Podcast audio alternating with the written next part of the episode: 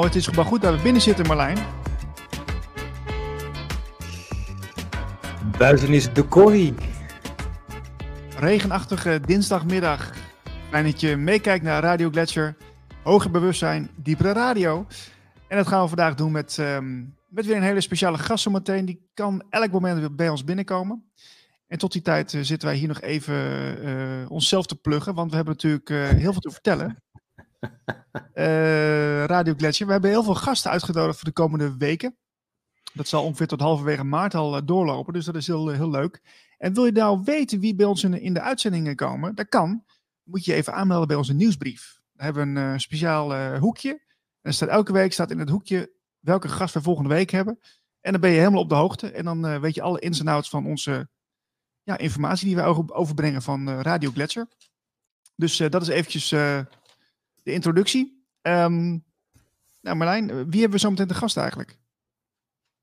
We hebben Erik Kastelein te gast. Maar even, even inhakend op jouw uh, nieuwsbrief uh, geplug. We hadden een uh, bericht via onze site, via ons contactformulier op de site, van niet Corrie, maar Connie. Ja. Connie zegt, bedankt voor de eerste nieuwsbrief zijn de afleveringen per gast ook ergens terug te luisteren. Er zitten zoveel interessante mensen bij. Echter, live luisteren lukt mij bijna nooit. Warme groet van Connie. Uh, Connie hoort dit dus niet, want uh, ze is er niet live bij. Maar uh, ja, op, uh, op de site hebben we, op de voorpagina, op de homepage, hebben we alle programma's die we hebben staan. Als je daarop klikt, dan ja, is daar alles terug te terug te luisteren. Nou, niet alles, maar uh, het meeste wel. Dus, uh... Ja, het meeste wel inderdaad. Oké. Nou, we zijn nu dus live op YouTube. Uh, ik heb de link ook even gedeeld bij Twitter en mijn Telegram-kanaal. Dus mensen kunnen gezellig inhaken. doe mee in de chat als je zo meteen een vraag hebt. want we gaan het hebben over aardstralen en over wiggelroede lopen. En dat zijn toch een hele leuke onderwerpen, vind ik. Want ja, die komen toch ook een beetje eigenlijk van, van, van, van, van de vorige eeuw alweer. Hè? Die, die thema's, die waren toen ook al best wel uh, uh, interessant. Die werden wel uh, misschien wat meer serieus genomen dan nu. Ehm, maar daar weet Erik Kastelein heel veel van. Die is geoloog en die is in die tijd toen hij, toen hij zijn opleiding deed, is hij er eigenlijk achter gekomen dat er toch ja, wel iets bestond als, als aardstralen in ongeziene wereld. Um, en daar, daar weet hij alles van. Hij heeft er zelfs ook een paar boekjes over geschreven. Uh, die zal ik zo meteen even bijpakken. En uh, moet niet gelijk alles verklappen natuurlijk. Uh, en volgens mij is hij nu in de uitzending. Ja. Hallo Erik. Zo. Hallo, hallo. Wat fijn dat je het bent. we hadden even vertraging, maar het is gelukt. Ja, gelukkig. Goed zo. Zo. Ja, we waren bezig met een introductie van de uitzending en ook een beetje van jou. Want je hebt ook een hele mooie website, geovitaal.nl. Ja. En daar is heel veel informatie over te vinden. Over, um, ja, over bijvoorbeeld als je problemen hebt met je woning. Als jij uh, last hebt van straling of uh, dat soort klachten, kunnen ze bij jou terecht. Mm -hmm. En um, ja, misschien is het wel leuk om, dat, je, dat je eens iets over jezelf vertelt. Want we zijn natuurlijk wel heel benieuwd uh, wie jij bent. Ja.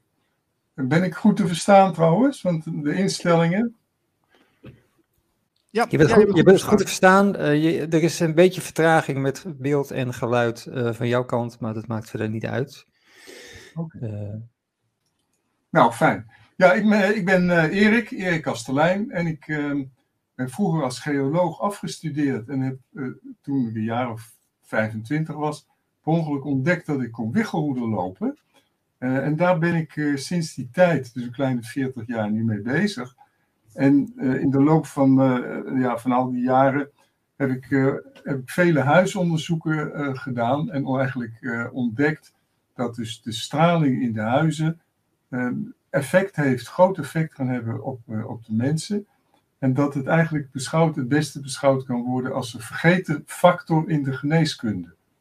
Met andere woorden, als mensen langdurige klachten hebben die door hele goede collega-artsen en therapeuten eigenlijk toch niet goed kunnen worden opgelost. En er is sprake van zogenaamde uh, uh, therapieresistentie, dat wil zeggen dat mensen niet goed op behandelingen reageren. Dan kan het uh, heel zinvol zijn om te kijken wat voor stralen er in het huis zitten. Ja. Waar, wat, wat zijn aardstralen en waar komen ze vandaan? Nou ja, oorspronkelijk uh, is het een concept, een gedachte uit Duitsland uit de jaren 30.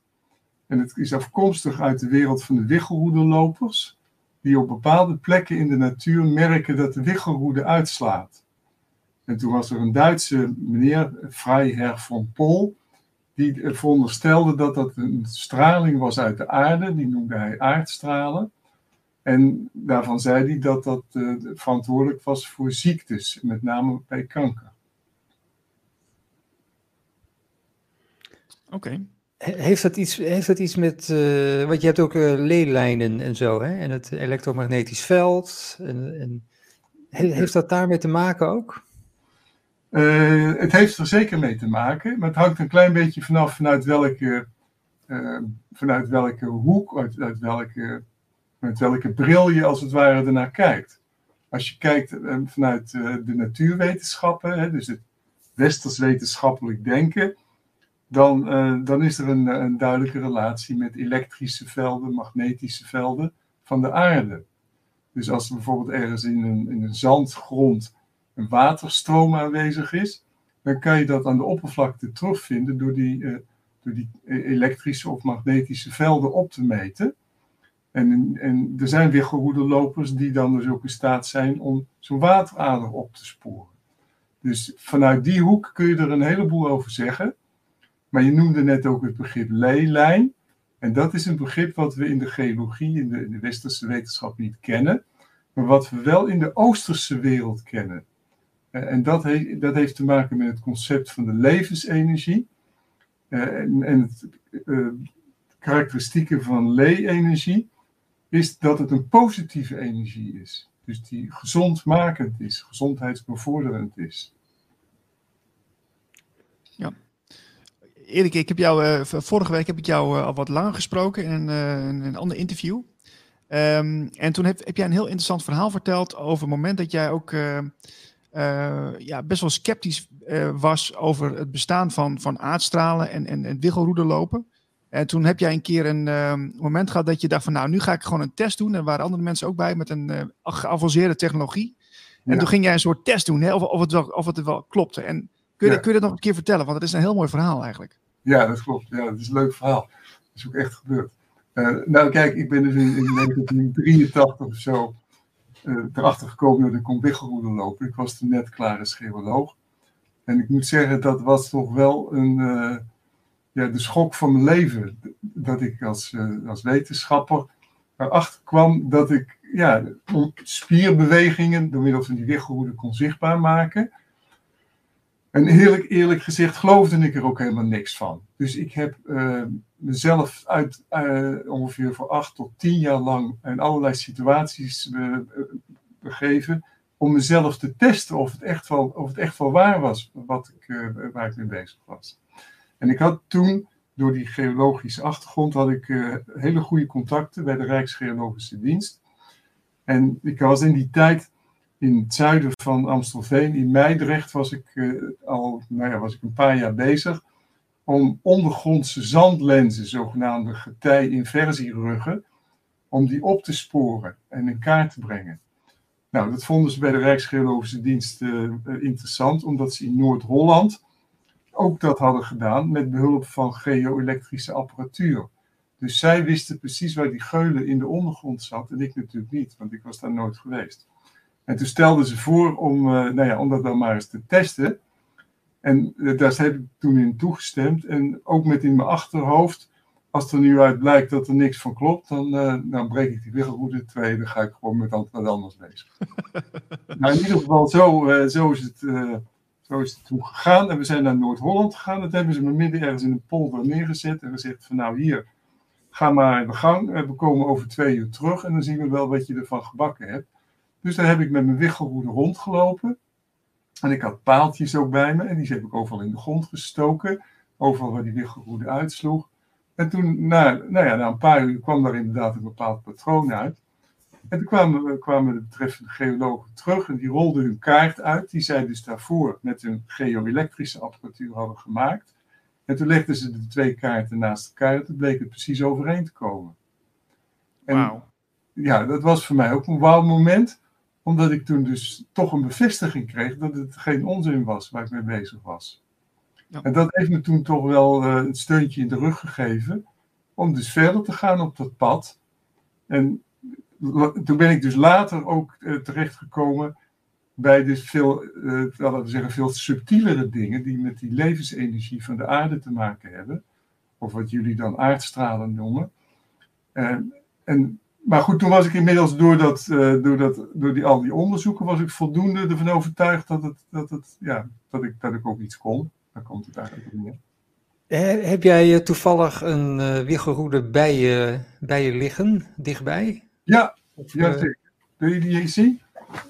Ja, wat we.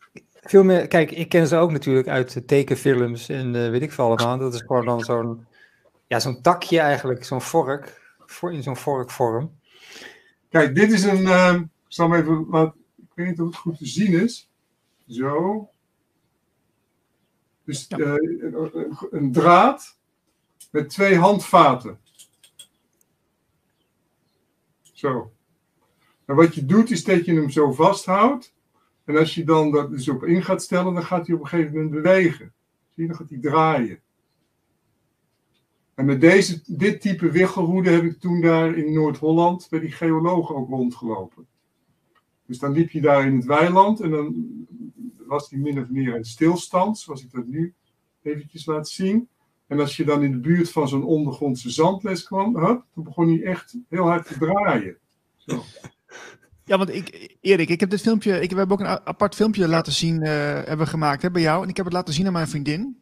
En die zegt van, uh, die zegt van uh, ja, maar hij draait hem nou zelf. Ik zeg, nou ja, dat, dat volgens, volgens mij niet.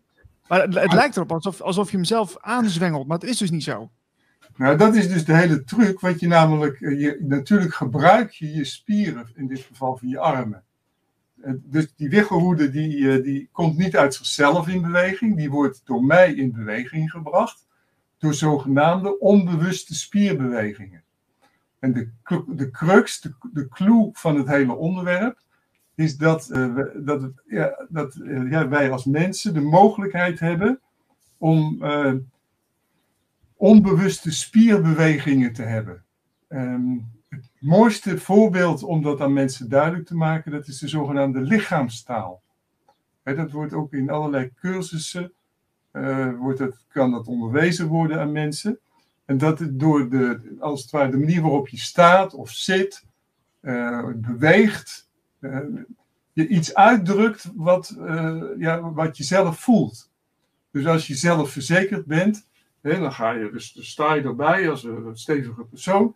Maar als je heel verlegen of angstig bent, dan word je een beetje weggedoken. En nou, dat, dat, dat hele onderwerp van de lichaamstaal is op een bepaalde manier verbonden met die onbewuste spieren van het lichaam. Nou, en de clue is nu dat uh, uh, bewust, uh, wat je in je hoofd hebt als bewustzijnsinhoud, dus je kunt zeggen een gedachte of een gevoel, dat dat via de hersenen, de zogenaamde ideomotoriek, vertaald wordt in onbewuste spierbewegingen. En dat is eigenlijk het mechanisme achter het hele systeem, dat, de, de, dat, dat zo mooi zeggen, bewustzijnsinhouden vertaald worden in zwakke spierbewegingen. En die spierbewegingen die maak je zichtbaar. En in dit geval doe je dat door, nou in dit geval is dit een wiggelroede, die maakt die spierbewegingen uh, zichtbaar. Maar je zou uh, letterlijk ook uh, die wiggelroede weg kunnen leggen en huidweerstandsmetingen meten en dan zien dat de huidweerstand verandert op het moment dat je nee, bepaalde activiteiten doet. Het sleutel, dat is eigenlijk Wat is, de, wat is de huidweerstand? Nou, voor het algemeen kun je zeggen het is een biofeedback instrument. Het geeft je informatie over je lichaam, wat je, eh, wa- wat je normaal gesproken eh, als het ware niet in de gaten hebt. En dat kan door het meten van de elektrische weerstand, maar het kan ook door spierspanningsveranderingen te meten. En er zijn hele medische eh, systemen, onder andere de kinesiologie, die hierop gebaseerd zijn. Voor de luisteraars.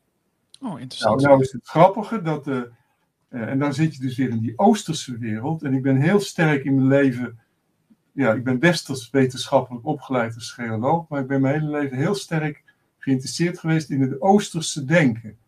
Dus eh, onder andere dus in acupunctuur en het hele chakrasysteem met name. Dus eigenlijk Indisch en Chinees. En dan blijkt dus dat die, het chakrasysteem of het acupunctuursysteem, dat die zich in het lichaam kunnen eh, manifesteren door spierbewegingen. En daar maak je als wiggelroederloper in feite gebruik van. En dat heb je niet meteen in de gaten, maar als je dat een tijdje doet, dan merk je dus dat, de, dat je met je lichaam in contact bent met de omgeving. En dat, je daar als eh, in feite een reactie op geeft. En in mijn geval dan door onbewuste zwakke spierbewegingen, die ik met die wiggelroede zichtbaar maak. Dus, dus eigenlijk is je lichaam eh, ook een instrument eigenlijk eh, eh, om, te kunnen detecteren of er een bepaalde straling aanwezig is. Nou, niet eigenlijk. Het, het lichaam is eigenlijk het detectiesysteem. Dus hoe, de mensen met een groot lichaamsgevoel kunnen dit ook veel makkelijker dan mensen die dat niet hebben. Ja. Maar het lichaam is, de- is eigenlijk het.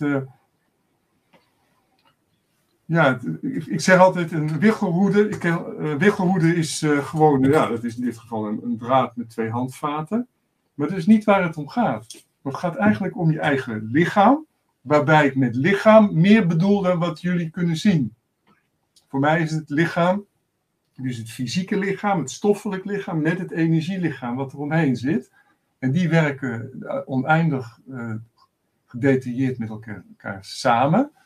En als je, eh, we komen even op een zijonderwerp, maar het heeft er wel alles mee te maken, namelijk mensen die sfeergevoelig zijn, die dus in een kamer of in een huis kunnen komen en merken dat het of prettig is of onprettig.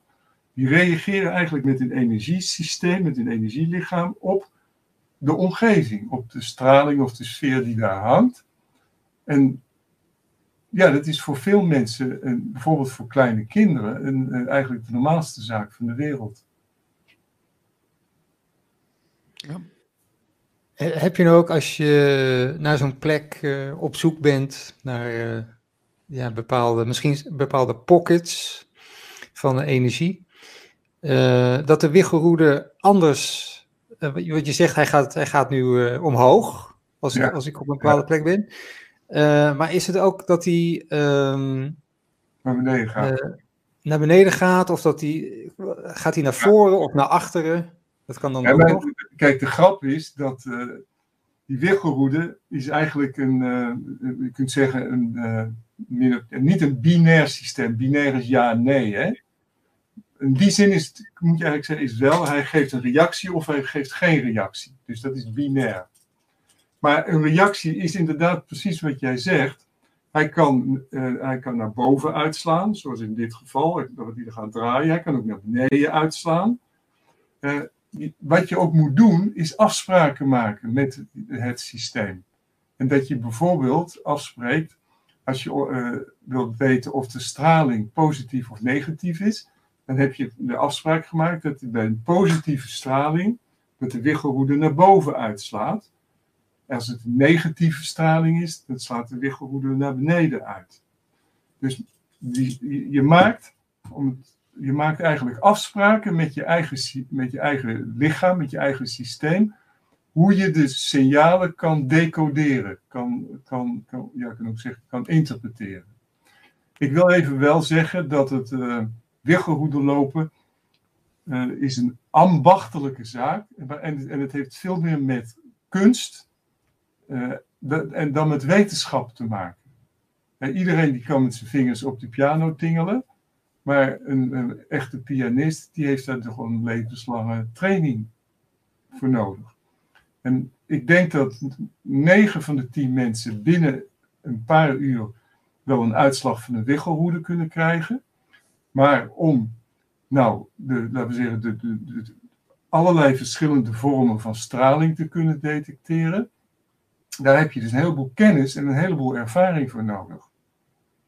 En het is dus niet zo dat je dat, dat, je dat in een korte tijd kan leren. Dat, daar is het allemaal een beetje te complex voor.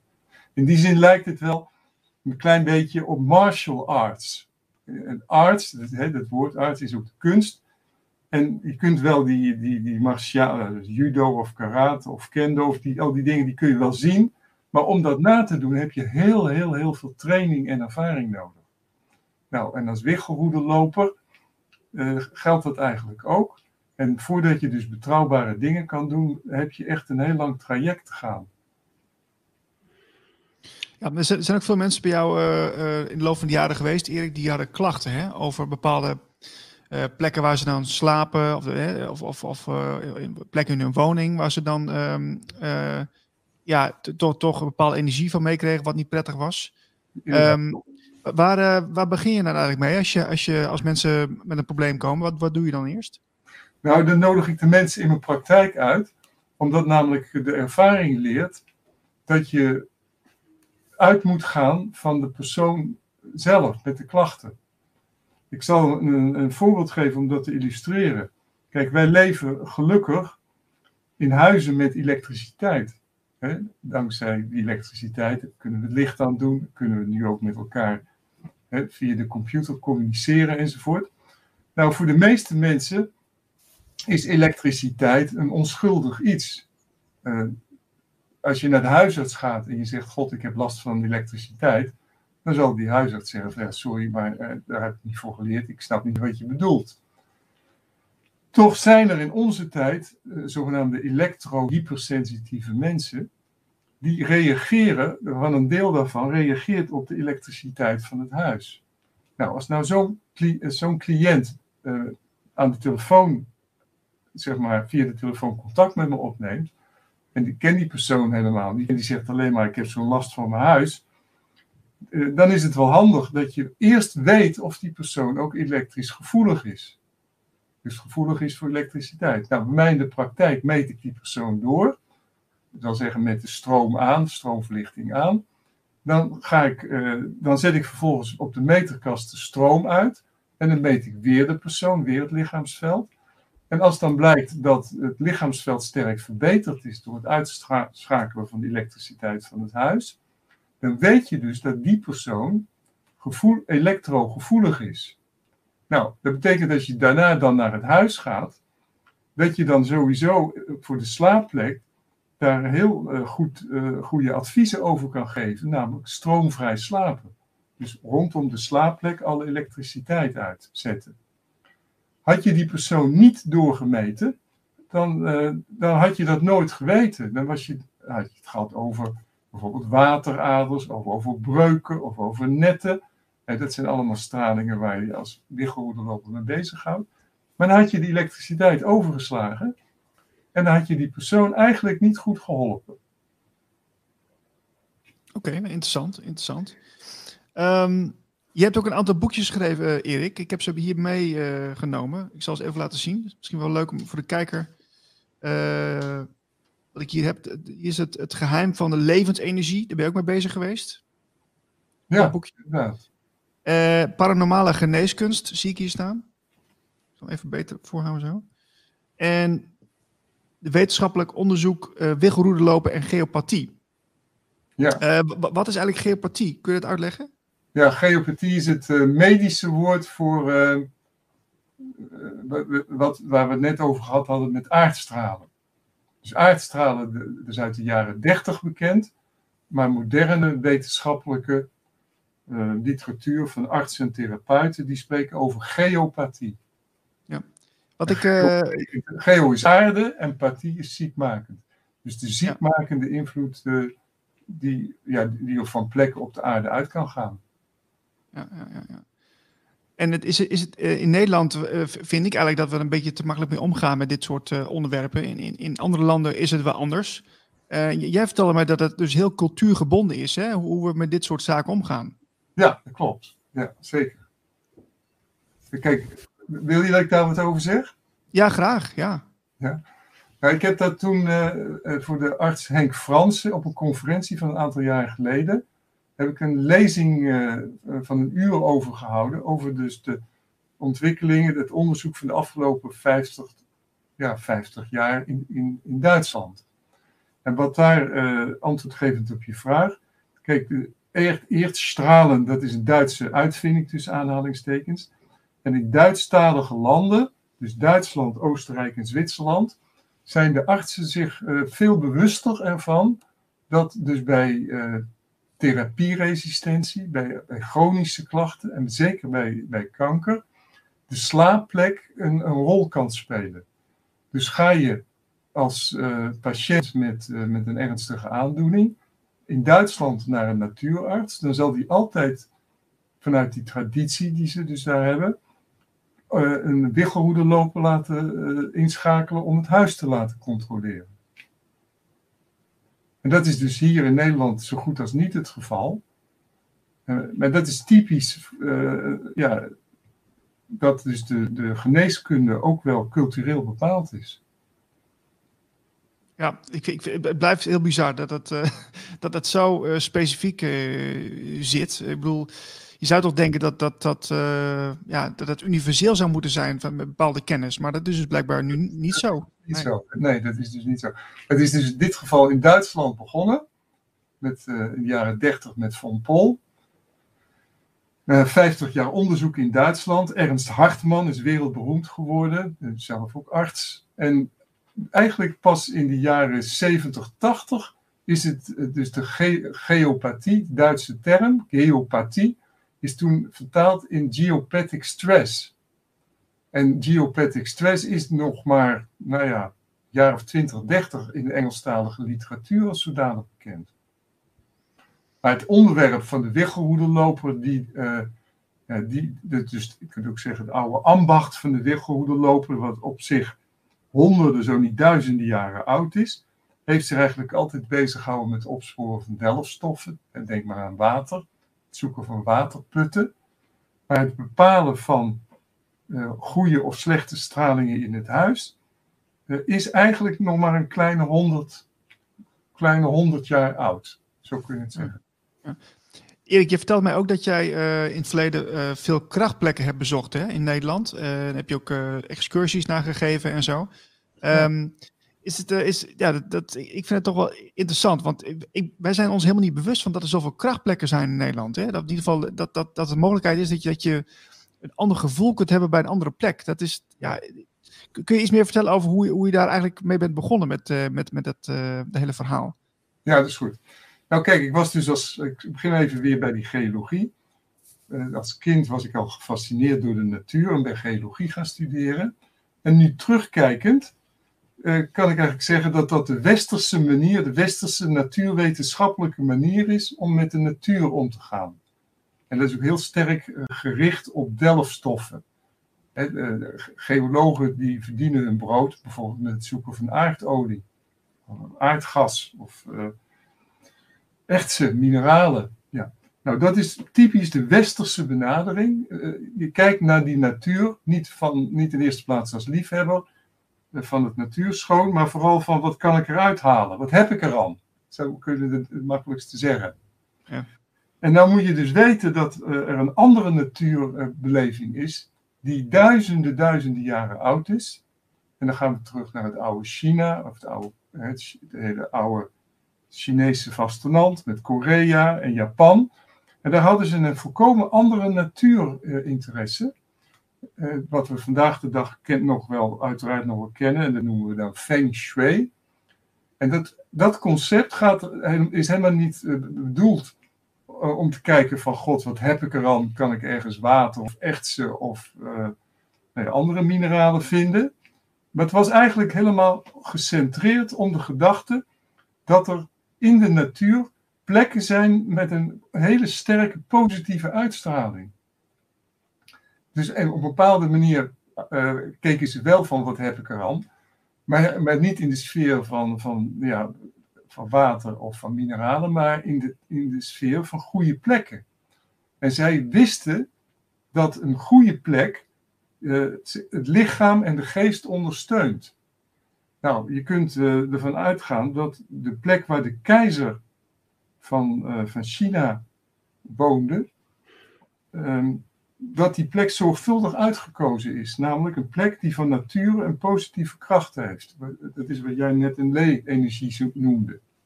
Maar die kennis was in die tijd uh, al onbekend. Dus er was een soort, uh, er waren ambachtslieden, uh, bij zou zeggen wiggelhoederlopers, die helemaal gespecialiseerd waren om goede plekken te zoeken. En dan, dan konden ze bijvoorbeeld de opdracht krijgen om in een afgelegen streek een goede plek te vinden om daar een tempel te bouwen. Uh, of iets dergelijks. Nou, kort samenvattend kan je zeggen dat dat de oosterse benadering van de natuur is. De, en die geologie die ik gestudeerd heb hier aan de universiteit, dat is de westerse benadering.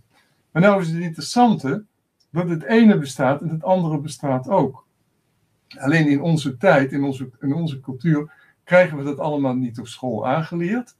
Maar je zou eigenlijk aan de kinderen van de lagere school al moeten duidelijk maken dat er verschillende manieren zijn, verschillende brillen om naar de werkelijkheid te kijken.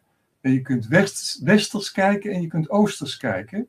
En ik ben in mijn leven de gelegenheid geweest om het allebei te, te leren. En ik kan je verzekeren dat dat heel interessant is.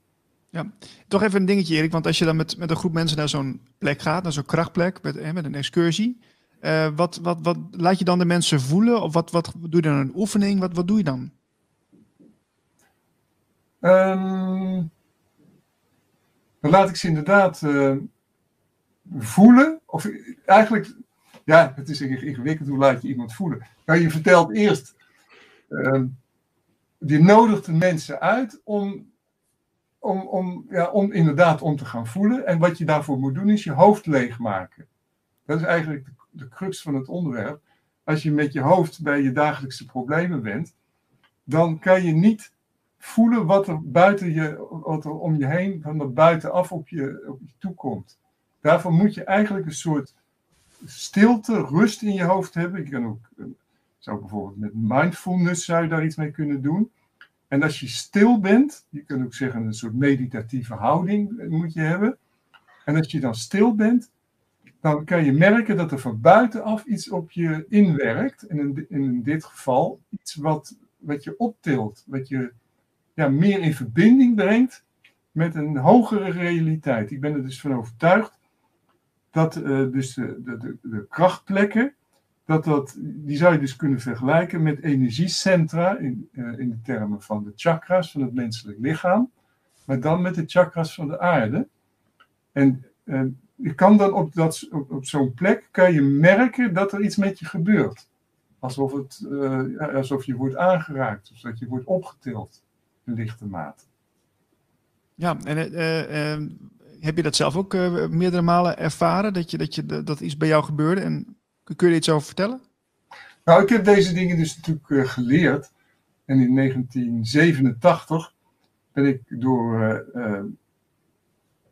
via mijn studie toen bij professor Van Praag, uh, ben ik door Egon Massink, dat, was, dat, dat, is een hele grote paranormale genezer, meegenomen naar zijn woonplaats in Geleen, in Limburg. Uh, en daar zijn we in het Daneker Bos gaan wandelen samen. En daar heeft hij mij geleerd om goede en slechte plekken te leren voelen. Oh, wat leuk. Ja. En uh, dan zet hij me, wat ik er nu begrijp, op een waterader neer. En dan vroeg hij gewoon, Erik, wat voel je nu? Nou, en dan zei ik, nou, ik krijg uh, een beetje pijn in mijn buik en ik krijg een beetje pijn in mijn hoofd. En uh, ik voel me een beetje onrustig worden. Oké, okay, nou, dat is goed. En toen nam hij me met trok hij me mee uh, aan de arm. En toen zette hij me op een andere plek neer. En zei hij, nou, wat, wat voel je hier dan? En toen zei ik, nou, ik voel me hier lichter worden. Ik voel me hier blijer worden. Het is net of, eh, laten we zeggen, als je naar de wereld kijkt, alsof er in één keer wat meer zonlicht begint te schijnen. Alsof het wat lichter wordt. Nou zit hij goed gevoeld, want dit is een positieve plek. Nou, zo heb ik dat letterlijk aan de hand van Egon geleerd. En ja, daar ben ik toen enorm in gefascineerd door geraakt. Want als, als dat dan zo is dat je goede straling eh, of slechte straling hebt, als ik het ook beter in het Nederlands tegen de mensen zeggen, een huis, hè, als het even daarop toespit, een plek of een huis met een goede sfeer of een huis met een slechte sfeer. Het effect is namelijk enorm groot. Eh, je kan, voor degene die van fietsen houdt, kun je dat, kun je dat makkelijk uh, zo vertalen, dat als je een, een huis hebt met een slechte sfeer, met een slechte energie, dan is het alsof je tegen de stormwind in moet fietsen. Zoals gisteren hadden we Corrie. Ja? Nou, ga er dan maar tegenin fietsen. Nou, dan heb je dus een huis met een hele slechte energie. Die draineert, die, die, die maakt je klein, die maakt je somber, zwaar. Uh, die trekt je naar beneden. Nou, als je niet tegen de, nee, niet tegen de wind, niet tegen Corrie, maar Corrie in de rug hebt, nou, dan word je gedragen.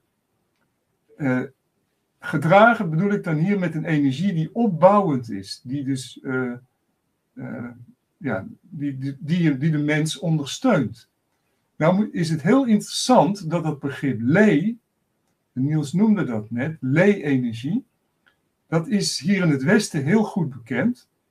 Uh, onder andere doordat alle kerken, oude, oude kerken, geloof ik voor de 13e, 14e eeuw, allemaal gebouwd zijn, gebouwd waren vroeger, op krachtplekken. Nou, en het woordje le, L-E-Y, betekent in de luwte. En dat vind ik altijd zo indrukwekkend. Dat het um, betekent dat je in de luwte bent eigenlijk van, de, van het hogere.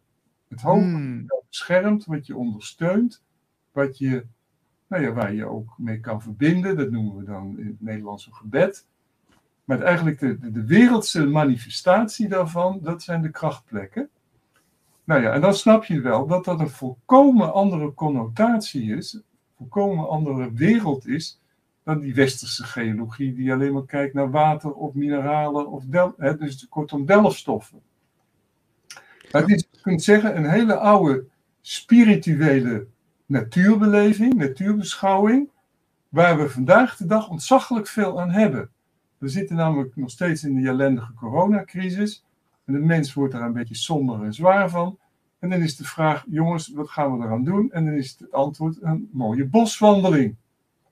Nou, in Japan um, hebben ze het zogenaamde forest bathing. Kun je op internet terugzoeken. En dan gaan mensen die helemaal overprikkeld zijn en door die, die, die drukke cultuur, met al die telefoontjes en al die computers, die gaan dan in de natuur gaan ze, trekken ze zich terug en dan genieten ze van de rust van de bomen en van de stilte. Dan moet je dus goed begrijpen dat dat forest bathing, dat dat gewoon een moderne variant is van het Taoïstisch natuurbeleven. En dat is 4, 5, misschien 4, 5.000 jaar oud. En het behoort dus tot de Taoïstische kennis dat in de natuur, dat er dus plekken zijn dat je je meer met het hogere, voor degene die dat wil, meer met God verbonden voelt. Dat is eigenlijk de basis van het Taoïstisch natuurbesef. En even terugspringend naar onze tijd. Je hoeft helemaal niet uh, in de eerste plaats met de religie of met de filosofie bezig te zijn. Om de realiteit van dat onderwerp te kunnen ervaren. Uh, er zijn gewoon plekken, ik noemde net al vooral oude kerken, die zijn per definitie gebouwd op krachtplekken, omdat men vroeger in het Westen die kennis dus ook had. Dus als je zegt van, goh Erik, uh, waar, waar moet ik dan naartoe? Dan is het antwoord, nou dan ga je gewoon in Nederland je, ga je eens kijken naar oude kerken, bijvoorbeeld de Dom van Utrecht, om, het, om er maar eens eentje te noemen. Nou, eh, de Dom van Utrecht is sowieso een heel grappig verhaal, omdat dat gebouwd is op een castellum, oftewel een Romeins, uh, uh, Romeinse vestingplaats. En die Romeinen waren grootmeesters op dit gebied. Dat heb ik vroeger van mijn leermeester Walter Kunne geleerd die Romeins, Romeinen die zochten krachtplekken op om daar, om daar te gaan wonen. Omdat die ook wisten, terwijl dat toen al duizenden jaren oud was, dat een plek met een goede uitstraling, oftewel wind in de rug voor onze fietsers, eh, dat, je, dat je meer levensgeluk hebt. Dat je, dat, je, dat je gezonder voelt. Dat je, ja, om zo letterlijk te zeggen, minder tegen de wind in hoeft te trappen. Dus kortom, een onderwerp waar je heel veel over kan zeggen, maar wat je vooral, waar je vooral hier en daar, hier en nu, ook heel veel voordeel van kan hebben. En daar bedoel ik dan mee dat je op dergelijke plekken veel makkelijker tot ontspanning kan komen. Uh, je zou kunnen zeggen, meditatie is vandaag de dag enorm populair. En wat ik er dan naartoe wil voegen, ga mediteren op een goede plek. Dan zul je merken dat het veel krachtiger werkt. En dat blijkt een van de oudste onderwerpen te zijn.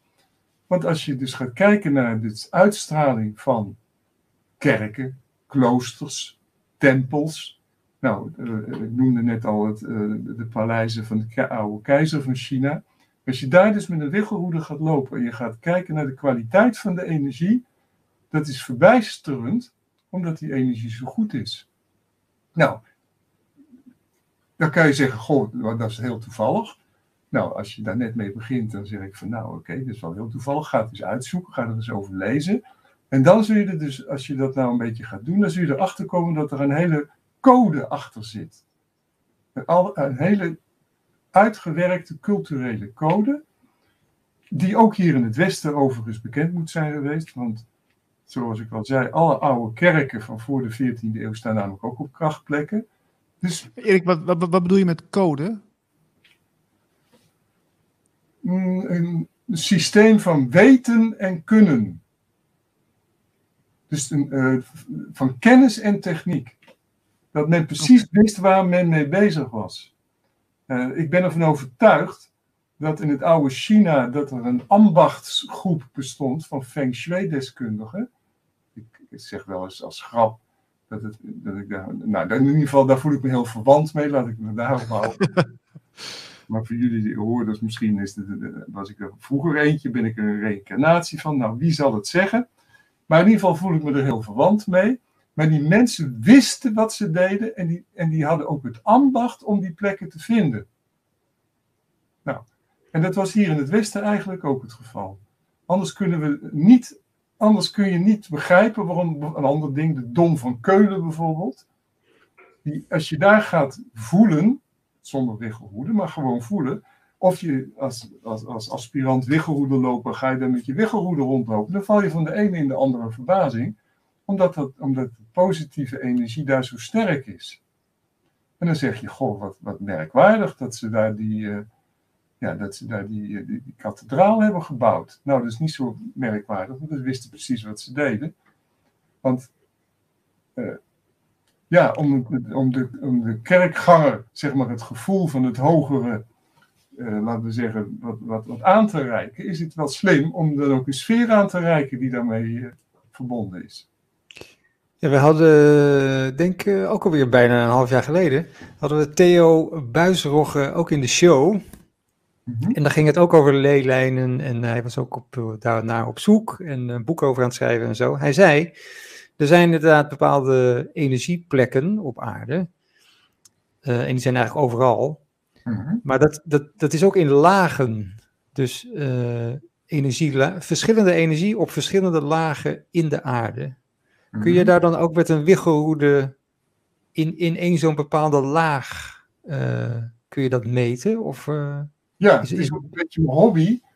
Um, het, mijn vrouw en ik houden erg van wandelen en we zijn jaren en jaren in, naar Zwitserland gegaan om in het hooggebergte te wandelen. En dan kon ik het niet laten om de wiggelroede zeg maar, te hanteren. En uh, daar uh, kan het wel verklappen bij de Aletsch gletsjer. Dat is dus een gletsjer die de Rhône voedt, daar op 3500 meter hoogte. Daar heb ik toen een hele mooie krachtplek gevonden, die natuurlijk bij niemand bekend is, want ja, hoe zou je dat weten, staat nergens. Maar die er wel was, of die er wel is. Um, dat is natuurlijk in een hooggebergte, maar je vindt het ook in het laagland. Je vindt het op allerlei lagen. Um, je kunt er veel over zeggen, maar ik denk dat je toch moet zeggen dat we, ja, dat we mm, het, beste, het beste kunnen we het gaan onderzoeken vanuit, vanuit een leeg hoofd.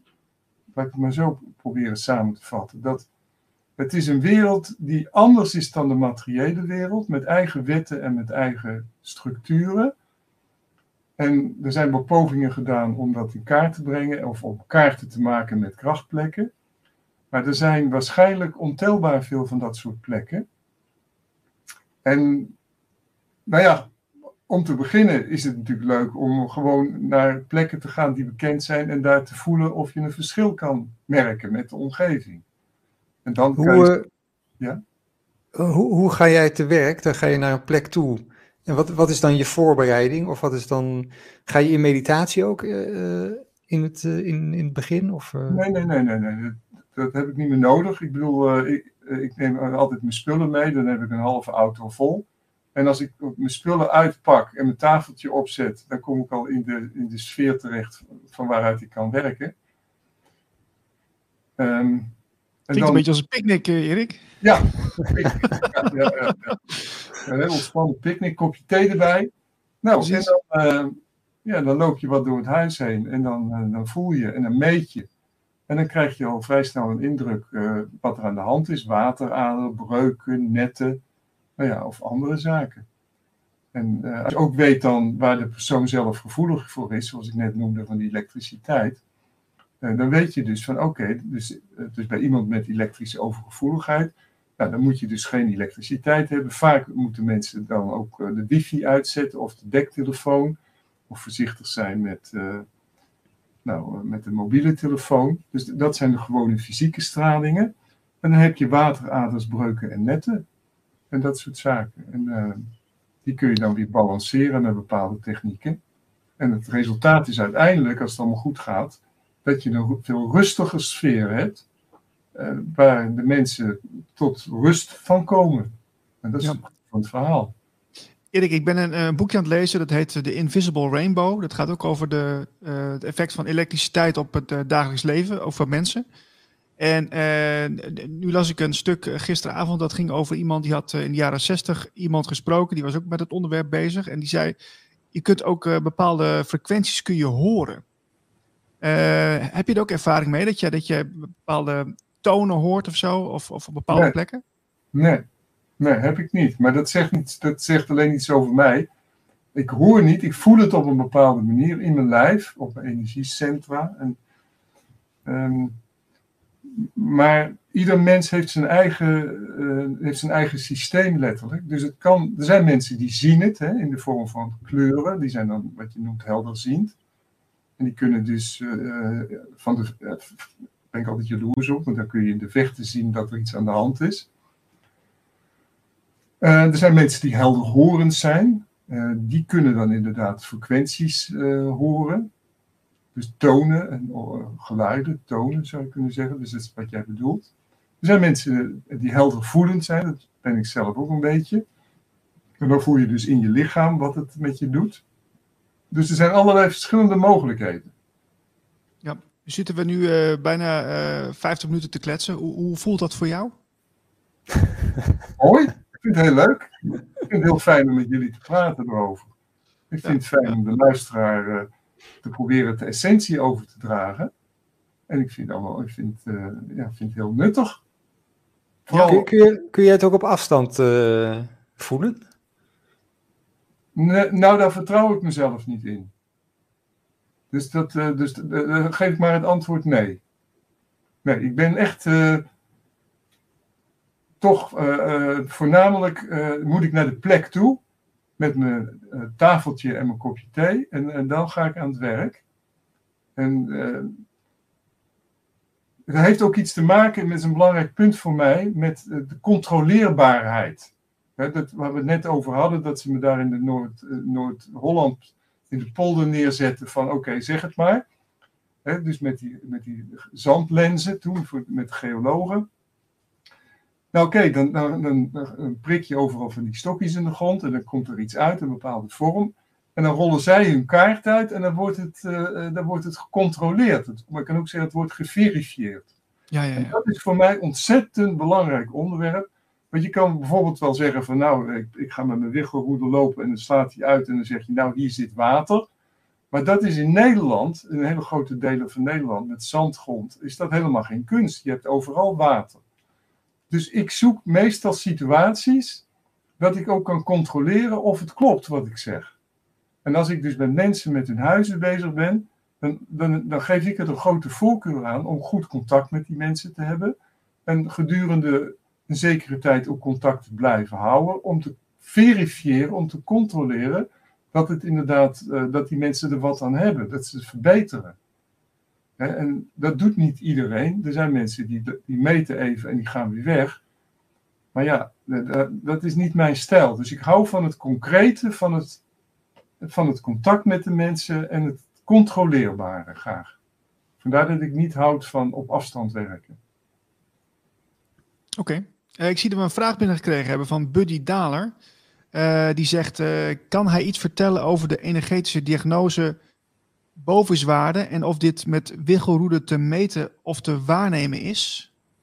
Nou de bovenswaarde, dat, dat, heet, ik moet even een heel moeilijk woord gebruiken. Het vakgebied van de wiggelroederlopers is radiesthesie. Radius betekent straling en thesie betekent zoiets als kennis, dus kennis van straling. En in bepaalde uh, mensen hebben daar een, een, schaal voor opgesteld. Dat is de zogenaamde bovenswaarde. En uh, een goede energie, dus een energie met een positieve werking, heeft een hoge bovenswaarde. En de uh, slechte energie, dus de energie die, die ziekte bevordert, heeft een hele lage bovenswaarde. En dus het antwoord kun je dat met de wiggelroede meten. Ja, wiggelroede, pendel zijn de instrumenten waarmee je dus die bovenswaarde bepaalt. Oké, okay. ik hoop je, dat je die... Uh, ja. Niels. Nee, Niels. ik zeg, ik hoop dat uh, de vraag dan volledig is beantwoord voor uh, Buddy Daler. Um, ja, dus, dus als je nog vragen hebt, stuur het vooral door via de chat. Ik zie ook Oh, iets anders binnenkomen, dat is, een ander verhaal. um, maar dus als je vragen hebt, stuur het door naar info.radioglacier.nl of via de chat, want we zijn nu live op YouTube.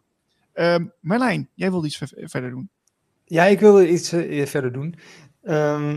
Je had in het begin over, je gaat naar iemand toe met klachten, je kijkt naar waar staat zijn bed eigenlijk.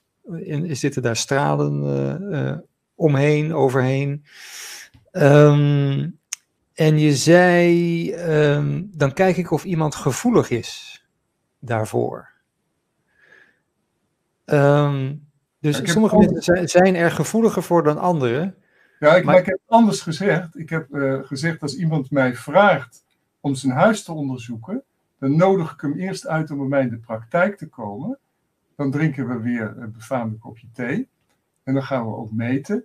En dan kan ik bij de persoon aan het lichaam, dus bij mij in de praktijk, meten of die bijvoorbeeld elektrogevoelig is. Snap je? Dat, dat doe ik dus in de praktijk. En daarna ga ik pas, als dat gewenst is, naar het huis toe om het huis te onderzoeken. Maar mijn benadering is dus en de persoon en het huis. En dat zijn twee separate trajecten. Maar kun je ook ongevoelig zijn dan? Ja, zeker. Dat kan. Dus dan heb je helemaal geen last ervan? Um, dat kan inderdaad. Heel veel mensen die, uh, die voelen dat uh, niet. Ik wil overigens niet zeggen dat ze er geen last van hebben. Maar het is een godsbescherming dat je niet alles uh, voelt wat er in de wereld gaande is. Laat het, laat het alsjeblieft heel erg duidelijk zijn.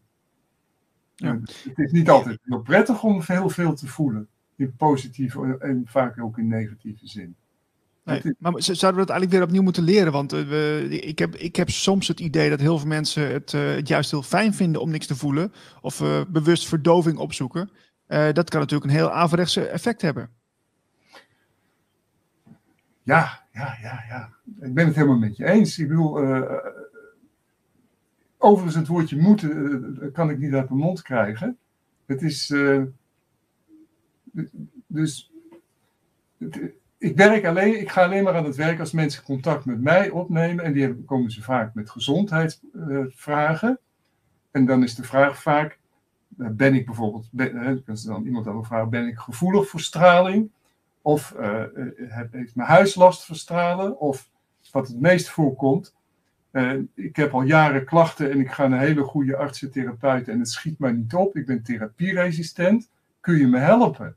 Nou, als die vraag gesteld wordt, kun je me helpen? Dan ga ik in de helpstand staan. Dan nodig ik die persoon in mijn praktijk uit. En dan ga ik eerst eens kijken, nou oké, hoe meet je uit en waar ben je gevoelig voor of niet? En als het dan zo is dat, dat je inderdaad, als daaruit komt dat je erg gevoelig bent voor stralen en dat je huis ook niet goed is, dat kan ik ook bij mensen aan hun lichaam meten. Dat is een heel verhaal apart, maar het is wel belangrijk om te zeggen. Ik hoef dus niet naar iemands huis toe om uh, iets over het huis te kunnen zeggen. Ik kan dat aan het lichaamsveld van de persoon opmeten.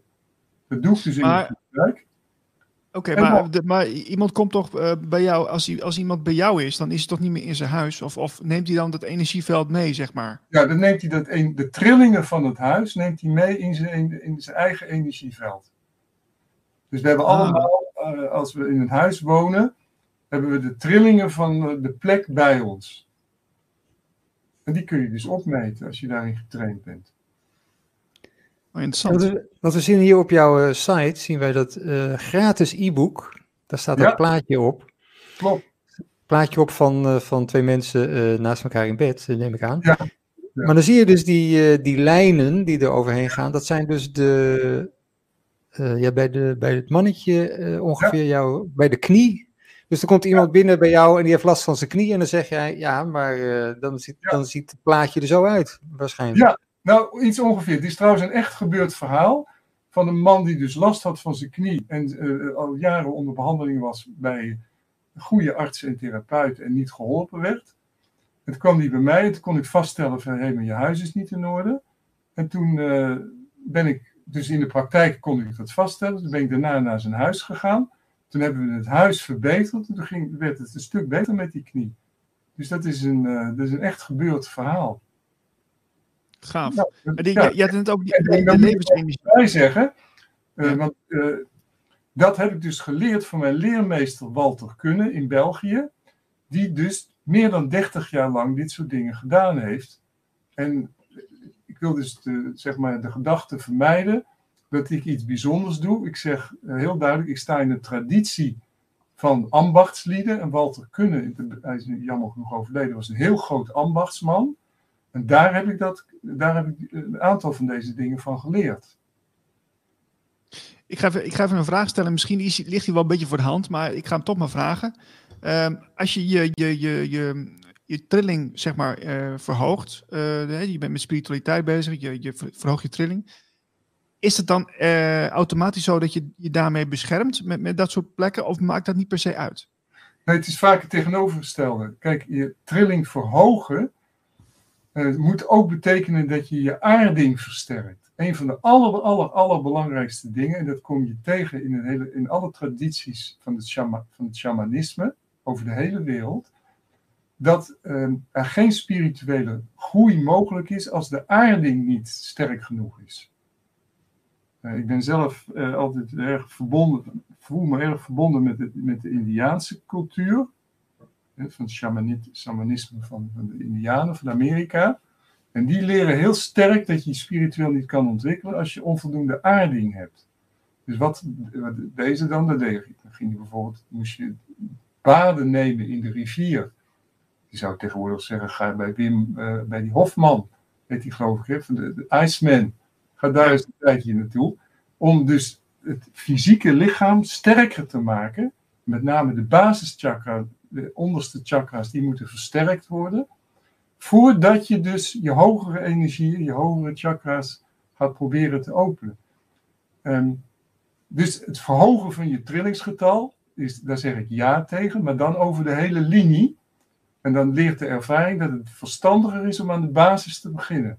In die zin voel ik me ook veel meer verwant met Oosterse denkers, met Oosterse praktisanten, van martial arts of van, uh, nou, van die forest uh, basing figuren.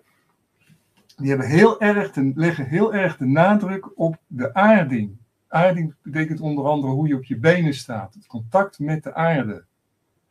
Als dat onvoldoende is, dan ga je zweven. Dan ga je gaat de energie naar boven en dan ga je uit je, gaat je uit je dak, om zo te zeggen. Als je dat krijgt, heb je een heel groot probleem, want dan wordt je lichaamsveld wordt te open. En dan kun je dus allerlei verkeerde elementen in je, in je aura krijgen. En dan word je er weer een zwakzieke misselijk van. Hmm. Ja, ja, ja. Dus aarding. Ja, sorry. Nou, ik was even benieuwd of jij ook uh, uh, shamanistische uh, workshops gedaan hebt of andere, an, van andere heb, dat soort energieachtige dingen. Ik heb daar een levenslange interesse voor. Ik heb daar geen workshop voor gevolgd. Ik heb er wel een paar lijntjes mee. Um, ja, dat is het eigenlijk. Het is me eigenlijk zeer dierbaar. En ik vind eigenlijk mijn opvatting is dat je. Dat, uh, kijk, het shamanisme is een mooi woord, maar waar het eigenlijk op aankomt, is dat je de juiste leermeesters vindt die je deze dingen uh, overdragen. En dat is een kunst op zich. En nou, ik heb in ieder geval het geluk gehad in mijn leven een aantal hele goede leermeesters te hebben gehad. Die hadden geen bord op de deur getimmerd met shamanistisch meester, maar ze waren het wel. Nou, en dan leer je dus dat bepaalde dingen op een bepaalde, eh, bepaalde volgorde aangeleerd moeten worden. En dat is, even terugkomend eh, op de vraag van Niels, het verhogen van je trillingsgetal ja, maar te beginnen bij de aarding. Ja. Want anders, word je, uh, anders word je als een geodriehoek. even kijken of ik dat goed kan uitdrukken. Kijk, dit is mijn geodriehoek. Even voor de Kun je dat zien voor de. Dit zie je, ja, ja. Zo, zo ja, zo, zo, zo, zo ja. Dit is de basis en dit is de top. En een gezonde ontwikkeling heb je een goede aarding en dan kan de energie die kan mooi naar boven. Maar als je de aarding uh, vergeet of je hebt te veel haast, dat gebeurt ook als je drugs gebruikt, wat er dan gebeurt, is dat je een geodriehoek bent die op zijn punt gaat staan. En dan word je heel labiel. En dan zijn de rapen gaar. Wat je dan krijgt, is dat je allerlei verkeerde energieën in je eigen systeem binnen kan krijgen. En daar word je labiel van. Zowel psychisch als lichamelijk. Oh. Dus de oosterse manier van werken, en ik, in mijn jeugd heb ik wel een martial arts gedaan, is altijd hoe sta je op je benen? Hoeveel aardingscontact heb je? Want je kan, kan, een kind kan begrijpen als je slap op je benen staat en je krijgt een douw of, of schop, en dan lig je al, aan, eh, eh, dan lig je al ondersteboven. Dus dat gaat niet opschieten. Dus stevig staan is een van de allerbelangrijkste dingen die er is, voordat je aan de hogere energieën probeert te gaan werken. We kregen nog een vraag binnen, zag ik. Uh, Marlijn, kun je die even bijpakken? Want ik, ik zie hem nu niet meer. Oh ja, uh, er wordt gevraagd door Buddy Dalen wederom. Um, dus kunnen mensen ruzie met elkaar krijgen als ze ergens bij elkaar komen met verkeerde thuisvibraties op, aan, in een andere plaats? Nou, als mensen daar gevoelig voor zijn um, en je komt dus op een plek met een verkeerde vibratie, je kunt ook zeggen een negatieve energie, een, verkeerde trilling, en je bent daar gevoelig voor, dan heb je dus kans dat je ontregeld raakt. Om het nog scherper te zeggen, je, dat eerste wat altijd gebeurt, is een soort basiswetmatigheid, dat is wat, dat je aarding uh, vermindert. En als je aarding vermindert, ben je minder bij jezelf, sta je minder in je eigen kracht. Dan is het bijna altijd zo dat je ook wat, wat korzeliger wordt. Wat, wat ja, geïrriteerder. Ja, ja, nou, ja. Dan is het dus het antwoord op de vraag. Dan kan je ook snel een ruzie krijgen. Ja. Uh, of, of, vervelende dingen. Je kunt het hele verhaal ook omkeren. En je kunt ook zeggen, naarmate je meer bij jezelf bent en meer geaard bent, dat je meer in je kracht staat, dan voel je je ook veel rustiger. En ik moet altijd denken aan Anton Geesink, een reus van een man. Uh, die was met werkelijk geen tractor om boven te krijgen. En dat was een hele rustige, bedaarde man. Uh, een hele, wat wij, ik, ik, voor mij is het eigenlijk het voorbeeld in onze tijd van een zenmeester. Hmm. Je kunt een heleboel van de dingen waar, waar, ik nou, waar we het over hebben, kun je ook teruglezen in zen-literatuur. Daar ben ik een enorme bewonderaar van. Dus weer het Oosterse aspect wat ik zo prachtig vind. Maar het gaat er dus dat de mens in zichzelf geankerd, verankerd is, ook met het hogere, maar ook met de aarde, ook met het diepere. En dat je dan veel rustiger wordt en veel, ja, in wezen ook veel blijer wordt in het leven. Ja, Erik, je vertelde mij uh, in, in, vertrouwen dat je uh, eigenlijk met, met, pensioen bent, uh, zeg maar. ja, klopt, ja. is heel nou, hartstikke, ja. Hartstikke fijn, hartstikke fijn. Maar ik, jij bent ja, ja, volgens mij ben je nog veel te ambitieus. Je kunt nog zoveel dingetjes doen. Kun, kun, je iets over zeggen, wat je plannen zijn? Of, weet je dat nog niet zo goed? Nou, toen jij contact met me opnam, toen was ik inderdaad toen was eigenlijk, er was, en dat is nog steeds mijn opvatting, dat, ehm, dat als iemand geïnteresseerd is in de dingen die ik zeg of de dingen in die ik doe, of als die denkt van ik wil je huis, wil dat hij mijn huis controleert, dan wil ik dat heel graag doen. En de enige motivatie die ik hier heb is uh, dat, dat anderen er misschien wat aan hebben uh, aan mijn werk of wat ik zeg of wat ik doe. En uh, ja, ik heb mijn leven lang ook les gegeven daarin. Ik ben, doe het nou wat rustiger aan. Maar nogmaals, als mensen denken van god wat leuk, kom eens dit of dat doen, dan, dan ben ik daar, sta ik eigenlijk helemaal voor open. En als ik bedoel dat ik blij ben dat ik gepensioneerd ben, dat betekent gewoon dat een bepaalde druk uh, weggevallen is. Maar, ik ben, ja, maar dat ik het wel leuk vind om binnen mijn eigen vak gewoon mijn dingen over te kunnen vertellen of misschien een beetje te kunnen helpen aan andere mensen. Oké. Is het nou, wat dat lijkt me zelf heel leuk, maar dat is waarschijnlijk ondoenlijk, om gewoon een soort kaart te hebben, misschien aan een van bepaalde plekken in Nederland, met, met die energieplekken, met positief en negatief? Nou, die, die, die kaarten zijn er ook. En um, die, nogmaals, die, die, die boeken, die, ik zal even een boek pakken, één moment. Oké. Okay bij jou, als jij iets vraagt, dan lopen altijd mensen weg, bij Marlijn. Ik vind het heel bijzonder. Ja, dan moeten ze, moet altijd iets pakken. En, uh... Even kijken. Dit boekje, Leelijnen, oh, Centra in de Lage Landen, van Wigbold Vleer, uitgeverij Ank Hermes. Dat is dus in de jaren 80, 90 geschreven. En dat is uh, antwoord op wat jij zegt, dat is dus al helemaal in kaart gebracht. Maar dat uh, moet ik ook even, weten, uh, even zeggen. Dat kan je, kan je ook aan de voorkant zien. Dat is een kerkgebouw. Dus wat hier ook gebeurd is. Hoop dat jullie het kunnen zien. Ja, zo, zo is het goed. Oh, ja. Dat ze vooral dus gekeken hebben naar oude kerken. En dan in heel Nederland. En dit boek is een soort telefoonboek van alle oude kerken. Nou, en daar, daar ging het toen Wigbold Vleer met zijn collega ging daar eh, ook eh, met Ank, via Ank Hermes gingen ze bustochten organiseren. Ging, eh, liepen ze in optocht liepen ze door die kerken heen, vaak met een wiggelroede enzovoort. Nou, zo kun je dat doen, dat is al gedaan. ik heb altijd, en dat komt door mijn geologische achtergrond, altijd een, een, fascinatie gehad voor de plekken die niet bekend zijn. Dus die ben ik zelf gaan zoeken. En dan ook altijd kijken of er een relatie is met de geologie bijvoorbeeld. Nou, je hebt goede en je hebt slechte plekken. Als je het eventjes nog wil hebben over slechte plekken. We hebben in Nederland ook breuklijnen. Bijvoorbeeld bij Uden, dat is in Brabant. Dat is de Pilrandbreuk. Nou, als, je, als je wil weten hoe slechte energie voelt, dan moet je daar maar eens... Uh, daar, heb ik dus ook excursies naar gegeven. Dan moet je naar Uden. Dan moet, oh. dan moet je naar Uden, inderdaad. Ja. En, en ik wil niks negatiefs over de Udenaren zeggen, maar ik bedoel, het is een plek in de natuur waar het minder uh, waar de energie zwaar is. Maar je hebt ook plekken in de natuur waar het fantastisch goed is. En ja, maar het belangrijkste is eigenlijk dat je eigen huis goed is. Laten we het daar even heel nuchter over hebben. En een goed huis, een energie, met een rustige, opbouwende energie, uh, dat is heel heilzaam. En daar komen mensen tot rust.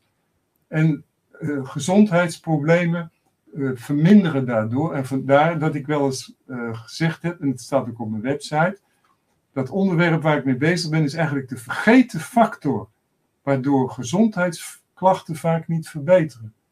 Dus, en met vergeten factor bedoel ik eigenlijk de kwaliteit van de omgeving, de stralingen vanuit de omgeving. En, um, en dan zeg ik er dus meteen bij dat we onze cultuur is dat vergeten, maar die Oosterse cultuur heeft daar duizenden jaren zich mee bezig gehouden. En dit zeg ik met grootste nadruk.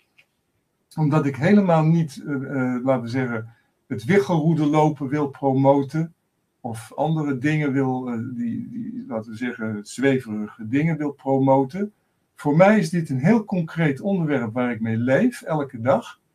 En ik, ik vind het gewoon belangrijk dat mensen begrijpen dat je over deze dingen ook hele uitgebreide literatuurstudies kan doen. Uh, nou, als, je me goed, als jullie me toestaan, wil ik even het andere boek pakken. Ja hoor. Dat is dit boek. Chinese, Chinese Geomancy van Stefan Feuchtwang. An Anthropological Analysis of Chinese Geomancy van Stephen Feuchtwang. Die man is cultureel antropoloog.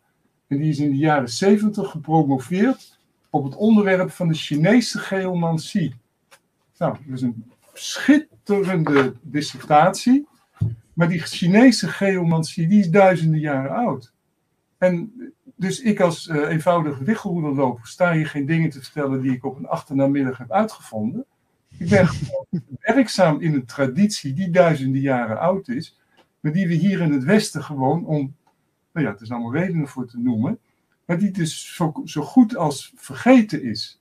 En ik vind het dus onderhand wel tijd dat die oude traditie weer eens een beetje over het voetlicht komt. Net zoals acupunctuur, net zoals yoga en meditatie. Uh, maar je kunt het ook anders zeggen. Het is een renaissance van de, West, van de Oosterse visie op de natuur. Dat is eigenlijk de kern van de hele zaak. Die, Oost, die Westerse uh, natuurvisie in de geologie, nou, daarom ook met de hele klimaatverandering, is over en over bekend. Maar het gaat om de Oosterse visie op de natuur. En daar, kan, daar kunnen de mensen vandaag de dag, na al dat corona-gedoe, enorm veel aan hebben.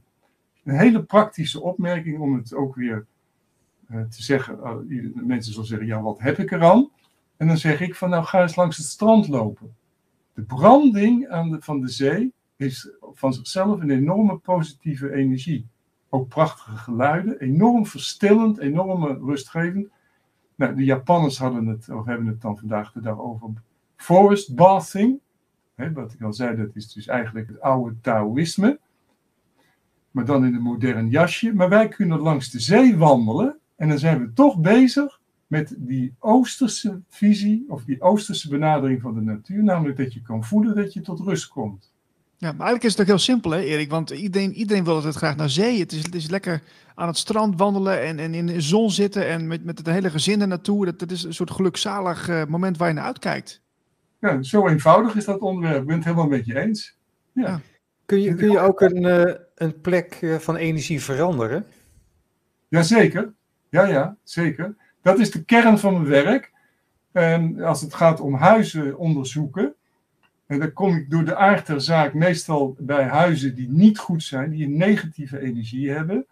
Uh, als iemand in een. Ik ken ook mensen die wonen in een, in een huis met positieve energie. Uh, die hebben door, door, doorgaans minder gezondheidsklachten. Omdat, uh, ja, daar komen we die oude traditie. Dat een goed huis tilt je op. Hè?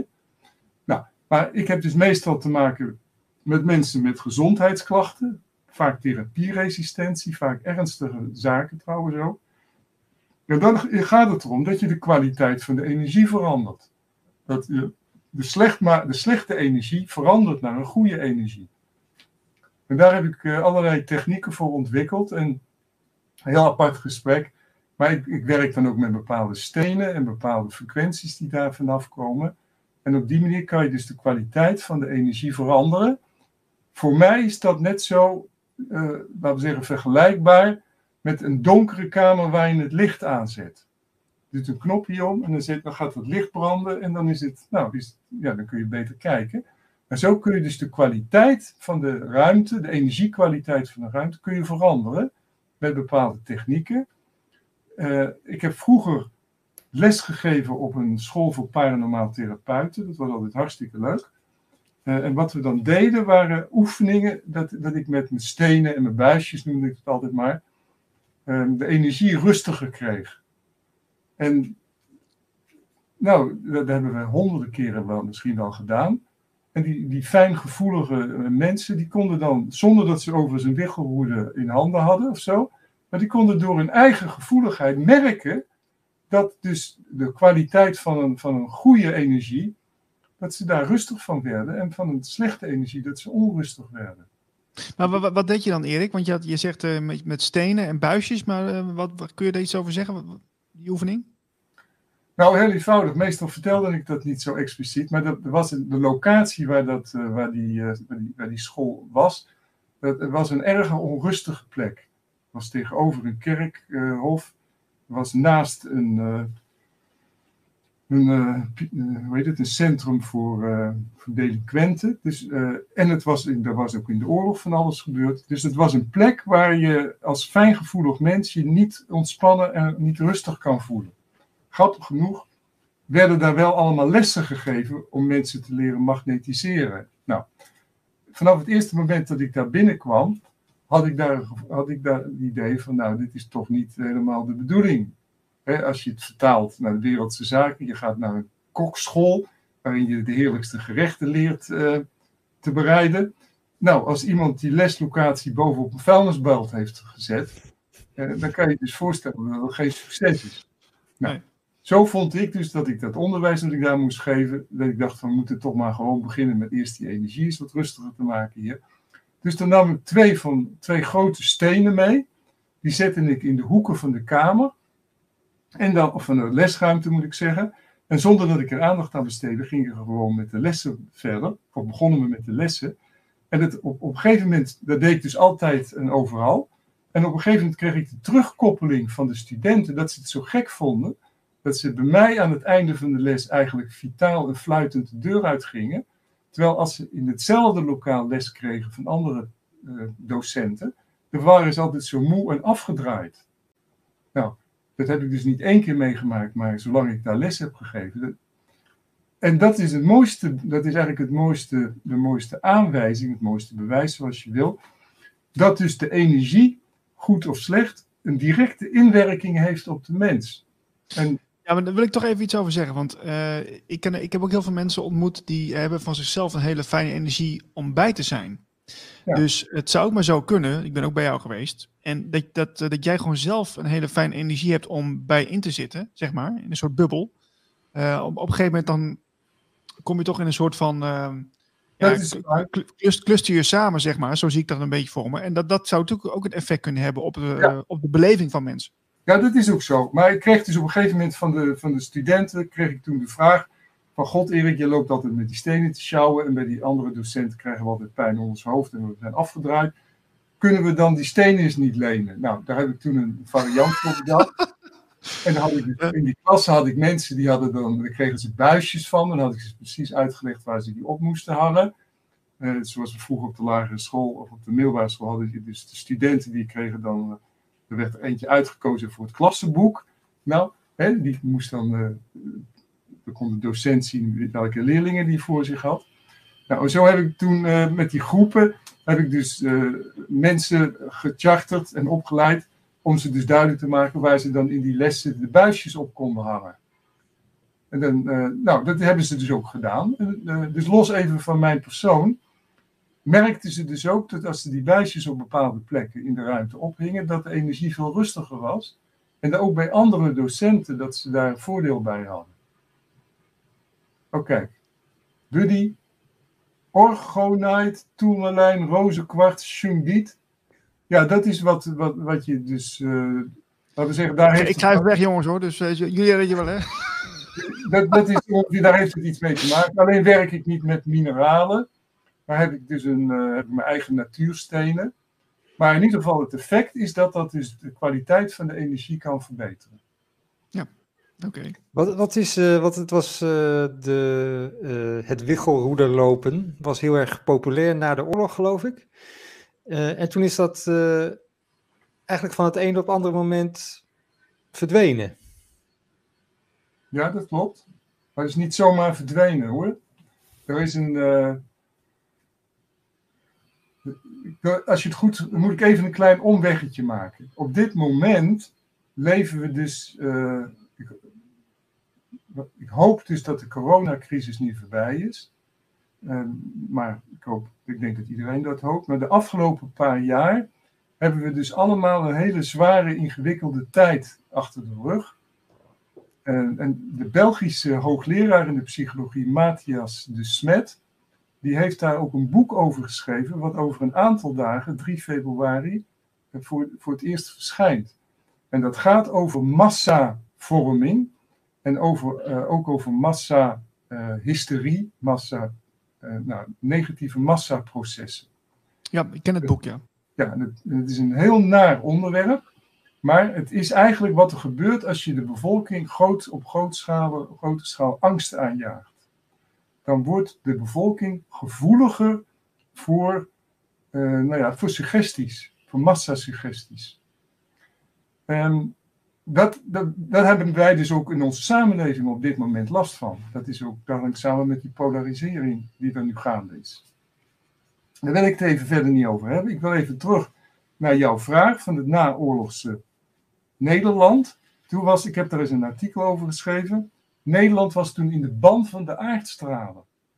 En dan moet je dus voorstellen dat in het naoorlogse, uh, de verschrikkingen van de Tweede Wereldoorlog, in de jaren 45 de bevrijding, dat Nederland kapot gemaakt was, nou, mensen enorm misère, en er was een algemene psychische gesteldheid van, van angst, ellende, misère. En in die situatie zijn mensen gevoeliger voor, ja, laten we zeggen, voor angstaanjagende zaken. En dat is in dit geval zijn dat, dat de aardstralen daar heb ik toen eens een artikel over geschreven. En uh, het boekje wat Niels net, uh, het blauwe boekje uh, van paranormale genezing, dat eerste hoofdstuk gaat daar dus helemaal over. Het witte boekje, ja, dat boekje, precies. Daar heb ik dat toen helemaal beschreven ook. En wat er dan gebeurt, is dat mensen massaal bang werden voor aardstralen. Zoals vandaag de dag door de overheid zoveel mensen bang zijn voor de coronabesmetting.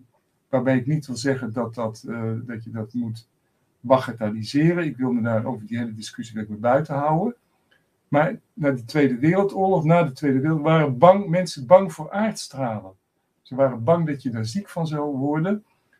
En toen waren er dus wiggelhoedenlopers, onder andere de beroemde wiggelhoedenloper Mierenmet.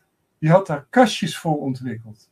En op grote schaal, en, en, en we hebben geen idee hoe grootschalig het was, maar het is in ieder geval veelzeggend dat het Koningshuis had ook mierenmetkastjes in huis. Tot uh, ministeries van de overheid, er werden ook de mierenmetkastjes geplaatst. Mensen deden, uh, dachten van, nou, u weet niet wat dat is, een aardstraal, maar het schijnt dus niet goed te zijn. Dus laat ik maar zo'n kastje kopen. En dat was grootschalig, het was big business, zoals we dat zouden zeggen. En dat liet zulke, nam zulke grote vormen aan, dat er, je kunt het geloven of niet, dat er twee officiële overheidscommissies geweest zijn om dat te onderzoeken. En het doel was eigenlijk van meter van duidelijk dat uh, er moest een end aankomen. Er moest een end komen aan de angstpandemie van de aardstralen. En daar hebben ze toen uh, nou, slecht onderzoek gedaan. En uh, met enige bedoeling om een einde te maken aan de praktijken van wiggelhoedenlopers. Die die kastjes verkochten. Nou, dat is ze gelukt. En in 1955, toen ben ik geboren, toen was het al zo goed als afgelopen. Dit was het einde van de aardstralenhysterie. Wat zat er in die kastjes? Een uh, paar kastanjes of een hoefijzer of een uh, magneet. En, nee. Oké. Oké, oké maar dat is, uh, het is niet bij iedereen bekend. Maar uh, Nederland heeft dus een taboe onderwerp. Waarom wij dus in Nederland niet over aardstralen kunnen praten, heeft hiermee te maken. Omdat dus in onze collectieve uh, geschiedenis deze gebeurtenissen zijn, ja, dat is gebeurd. En toen ik in de tijd begon met mijn onderzoek daarna, heb ik ook gemerkt dat een heleboel mensen meteen afhaken. Onder andere dus als je zegt in academische kringen dat je als, als geoloog geïnteresseerd bent in aardstralen, is het meteen, gaat meteen de deur dicht. Omdat het een taboe onderwerp is geworden. Maar, ik vind het heel moedig van je, Erik, dat je, de, dat je je hebt durven uitspreken erover. Eigenlijk al jarenlang, 40 jaar ervaring. En uh, ja, ik, uh, ik, vind, ik vind het fantastisch dat je bij ons in de show uh, bent geweest. Ja, um, leuk, leuk. Ja, ik, ben leuk, ik vind het leuk om erover met jullie te praten. En, Ja, nee, ik, zie, ik zie ook wel aan je dat de, de, de energie stroomt flink. Dus uh, volgens mij ben je nog lang niet klaar. ja, dat is leuk. Ja, ja, ja. Dus uh, wie, wie weet spreken we elkaar nog wel een uh, volgende keer. Misschien een, dat we een andere uitzending ergens verdieping kunnen aanbrengen.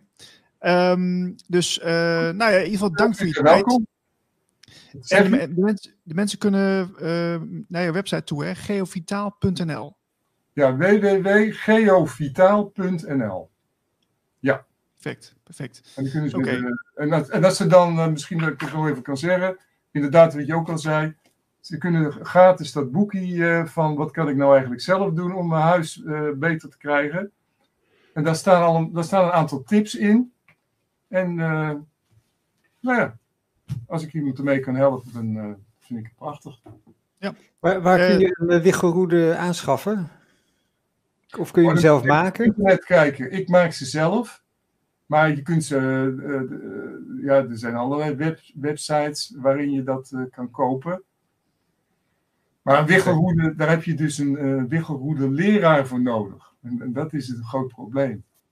ik, ik heb zelf, ik ben altijd veel dank verschuldigd aan mijn leermeesters, die me dus nou ja, met de met de verschillende, wiggelroede, verschillende hebben leren werken. En dat is dat, probleem is niet de wiggelroede, het probleem is de wiggelroede leraar, die dus het overzicht kan geven en de essentie kan aangeven. En uh, nou ja, als mensen geïnteresseerd zijn, hoor ik het wel. Maar het is een, het is een, ja, het is een wereld op zich. En ja, wat ik de hele tijd probeer te zeggen, het is niet iets vreemds of iets abstracts of iets zweverig. Het is, zoals ik het benader, is het eigenlijk die oude Oosterse wereld. Daarom heb ik mijn, mijn laatste boekje, misschien Niels, kan jij dat in de lucht houden? Zeker. Het boekje, dat heb ik toen geschreven, eigenlijk omdat ik, eh, ik zal maar heel... Is het deze? Kijken, dat blauwe, ja, met de wiggelroede op de voorkant. Ja. Ja, ja, ja ik wil niemand laten schrikken, maar ik geloof dus zelf niet in aardstralen. Na, na, alles wat ik onderzocht heb. Ik geloof dus dat dat manifestaties zijn van de levensenergie. En dat boek heb ik geschreven, het geheim van de levensenergie, ook uh, als een soort hommage aan, aan, professor Henri van Praag. Dat is mijn grote leermeester uh, in mijn leven. En die heeft altijd tegen mij gezegd wat de mensen aardstralen noemen is eigenlijk gewoon niets anders dan levensenergie van de natuur, maar die verstoord is. Als je het zo brengt, kun je ook begrijpen dat je, behalve dus negatieve dingen, negatieve stralen, dat je juist ook die positieve stralen hebt. En dat is zeg maar het handelsmerk wat ik, waar ik 40 jaar mee bezig ben. Om mensen duidelijk te maken, je hebt het, natuurlijk bestaat de negativiteit, maar je hebt ook de positiviteit. Maar dat kan je vanuit het aardstralenconcept niet begrijpen. Maar wel vanuit het concept van de levensenergie. Ook, omdat, ook omdat je dan, laten we zeggen, duizenden jaren Oosterse literatuur en kennis op dat gebied kan, uh, kan raadplegen. Ja. Ik heb het wel zo omschreven in de inleiding van dat boek. Je moet voorstellen, een boek of een boom, die heeft wortels. En de, als de wortels worden doorgesneden, gaat de boom dood. Nou, wat ik eigenlijk als mijn werk heb beschouwd, is de, de, boom weer nieuwe, de, boom weer goede wortels te geven. En ik ben er dus van overtuigd dat is de radiesthesie of het wiggelroede lopen of de hele aardstralen kwestie, hoe je het ook allemaal noemen wil. Het heeft allemaal met levensenergie te maken en dat, daar hebben we in de westerse cultuur zo goed als geen kaas van gegeten. Maar de oosterse cultuur is, een, ja, is gewoon zo rijk op dat gebied. En eh, voor ons als Westerling is dat vandaag de dag duidelijk. Kijk maar naar mindfulness bijvoorbeeld. Nou, dat is een meditatietechniek. Hoeveel mensen worden daar vandaag de dag hier in het Westen niet blij en gelukkig van? Um, een dergelijke renaissance zou ook ten aanzien van het Oosters natuurbesef eigenlijk uh, nodig zijn. En daar doe ik een bijdrage aan door maar door het dus ook niet te hebben over aardstralen, maar over levensenergie. En dan, mag je, dan kun je dus mensen uitnodigen als ze dat willen, om dat dan zelf in de natuur uh, maar te ervaren. Zoals ik dat vertelde met Egon, die, Egon Massing, die me daar toen die lessen heeft gegeven. Interessant, Erik. We, we, de, de luisteraars. Lopen, dan ben je natuurlijk nog sneller klaar. Maar uh, ja, sorry Niels, ik voel je in de reden. De, de luisteraars en de kijkers zijn nog lang niet van jou af. Want uh, we hebben ook nog uh, deze week, eind van de week, komt onze interview online staan op mijn kanaal. En er is een exclusieve video met, waarin jij kort uitlegt hoe je de wilgeroede gebruikt. Die, die komt in een nieuwsbrief. Dus als de mensen dat willen zien, dan moeten ze even zich abonneren op onze nieuwsbrief. En dat kan via de website radioglacier.nl. Erik, dank voor je tijd. Met veel plezier gedaan. Leuk met jullie gesproken te hebben. En uh, fijn dat de luisteraars. Uh, uh, ik hoop dat ze er wat aan, aan hebben. Dus veel plezier ermee. Ja. Super. Dankjewel. Tot de Dankjewel, volgende keer. Erik. Ja. Tot ziens. Hoi, hoi. Hoi, hoi. Hoi. Hoi, hoi. Hoi, hoi. Nou, dat was een leuk gesprek, zeg. Ja, le levensenergie, oftewel prana. Daar gaan we het over een paar weken over hebben. Hè? Ja, we hebben genoeg gasten op de, op de lijst staan. We hebben sowieso tot en met halverwege maart uh, hebben we alles vol zitten. En uh, het lijkt wel alsof ook iedereen uh, tegenwoordig overal ja op zegt. of het, het, kan ook aan ons liggen, dat zou kunnen. Maar, leuke boekjes. Ik ga ze eens lezen van Erik. Die zijn echt leuk hoor, deze. Dus genoeg om in te duiken de komende weken. Um, jij had ook nog een paar dingen die je even wilde bespreken volgens mij, hè? Ja, ik had een paar nieuwtjes. Um, dus even kijken. Ja, uh, dit is uh, uit The Guardian. Ja. the woman who can see 100 million colors. Dus een, een, een vrouw die 100 miljoen kleuren kan onderscheiden. Dus dat is wel grappig dat het inderdaad kan. Um, dat is een, uh, een, uh, een artist, een kunstenares, uh, geeft ook les, is, zit in Amerika, is geloof ik, ja, ze, is, komt uit Australië. En um, ik zal even kijken, wat het is een beetje een lang artikel. Maar kan ze ook, zijn het de, kleuren van de regenboog en daar weer allemaal verschillende um, lagen van? Of, of zijn het ook nieuwe kleuren? Nou ja, het, het zijn denk ik kleurschakeringen uh, binnen de kleuren. Ja, ja. Uh, maar ze zegt van ja, ik kan, uh, dat is niet alleen bij een regenboog, gewoon altijd overal kan ik gewoon de kleur zien. En ze zegt ook, ik weet niet of ik dat zo snel um, kan vinden. Ik, dit stond helemaal. Um, while the natural world is a positive stimulant for Antico, zo heet ze, Antico. Ja. Many man-made environments, such as large shopping center with fluorescent lighting, have the opposite effect. En dan zegt ze, I feel very uneasy. I actually avoid going into those kinds of buildings unless I absolutely have to. I don't enjoy the barrage, the massive onslaught of bits of unattractive color. I mean, There's a difference between looking at a row of stuff in a grocery store and looking at a row of trees. It's like it's ugly and the lights are garish. It makes me not happy. Dus uh, de natuur, dat, dat, dat, daar ziet ze van alles in. En, en die, uh, ja, dat, dat neonlicht en het fluor, fluor, uh, fluoriserende al die kleuren, en, eh, gadverdamme, dat is gewoon heel lelijk. En daar word je dus ook gewoon eigenlijk een beetje depressief van. Ja, is ook een keer leuk om over te hebben, hè? over wat, wat, wat kleuren met je doen. Uh, wat je daarbij voelt. Of uh, misschien zijn er wel wat, uh, wat deskundigen over die, die wat iets over kunnen vertellen. Kunnen we eens eventjes op een lijstje schrijven, want er, zijn, er zijn ook wel volgens mij wel leuke dingen over te vermelden. Ja, en hier is, hier is trouwens ook een naam voor. Uh, het heet uh, in het Engels althans tetrachromacy. Tet, ja, tetrachromacy. Oké. Okay. het, is een, het, is een, bekende aandoening. En het is wel grappig, uh, want zij was aan de les geven. Dit, dit was in 2012. toen werd ze gediagnosticeerd. when one of her students emailed her a, a, scientific paper about dat woord, tetrachromacy, speculating that this could be what Antico had. A few months earlier, Antico had discovered her daughter was colorblind. Hmm. Dat, dat hoor je toch ook, ja, ik wil niet zeggen vaak, maar daar is ook die film van met die, die, die- ja, een soort klassiek eh, componist. En die krijgt dan eh, ook een zoontje, maar die is dan doof. Dus dat heb je hier ook. Iemand die, die gewoon alle kleuren kan zien en dan een dochter krijgt die kleurenblind is. Dat is natuurlijk een beetje grappig hoe dat dan, eh, hoe dat dan werkt. Zou dat te maken hebben met, eh, met de plek waar je vandaan komt? Wat, hoe, hoe, hoe zie je dat, Marlijn?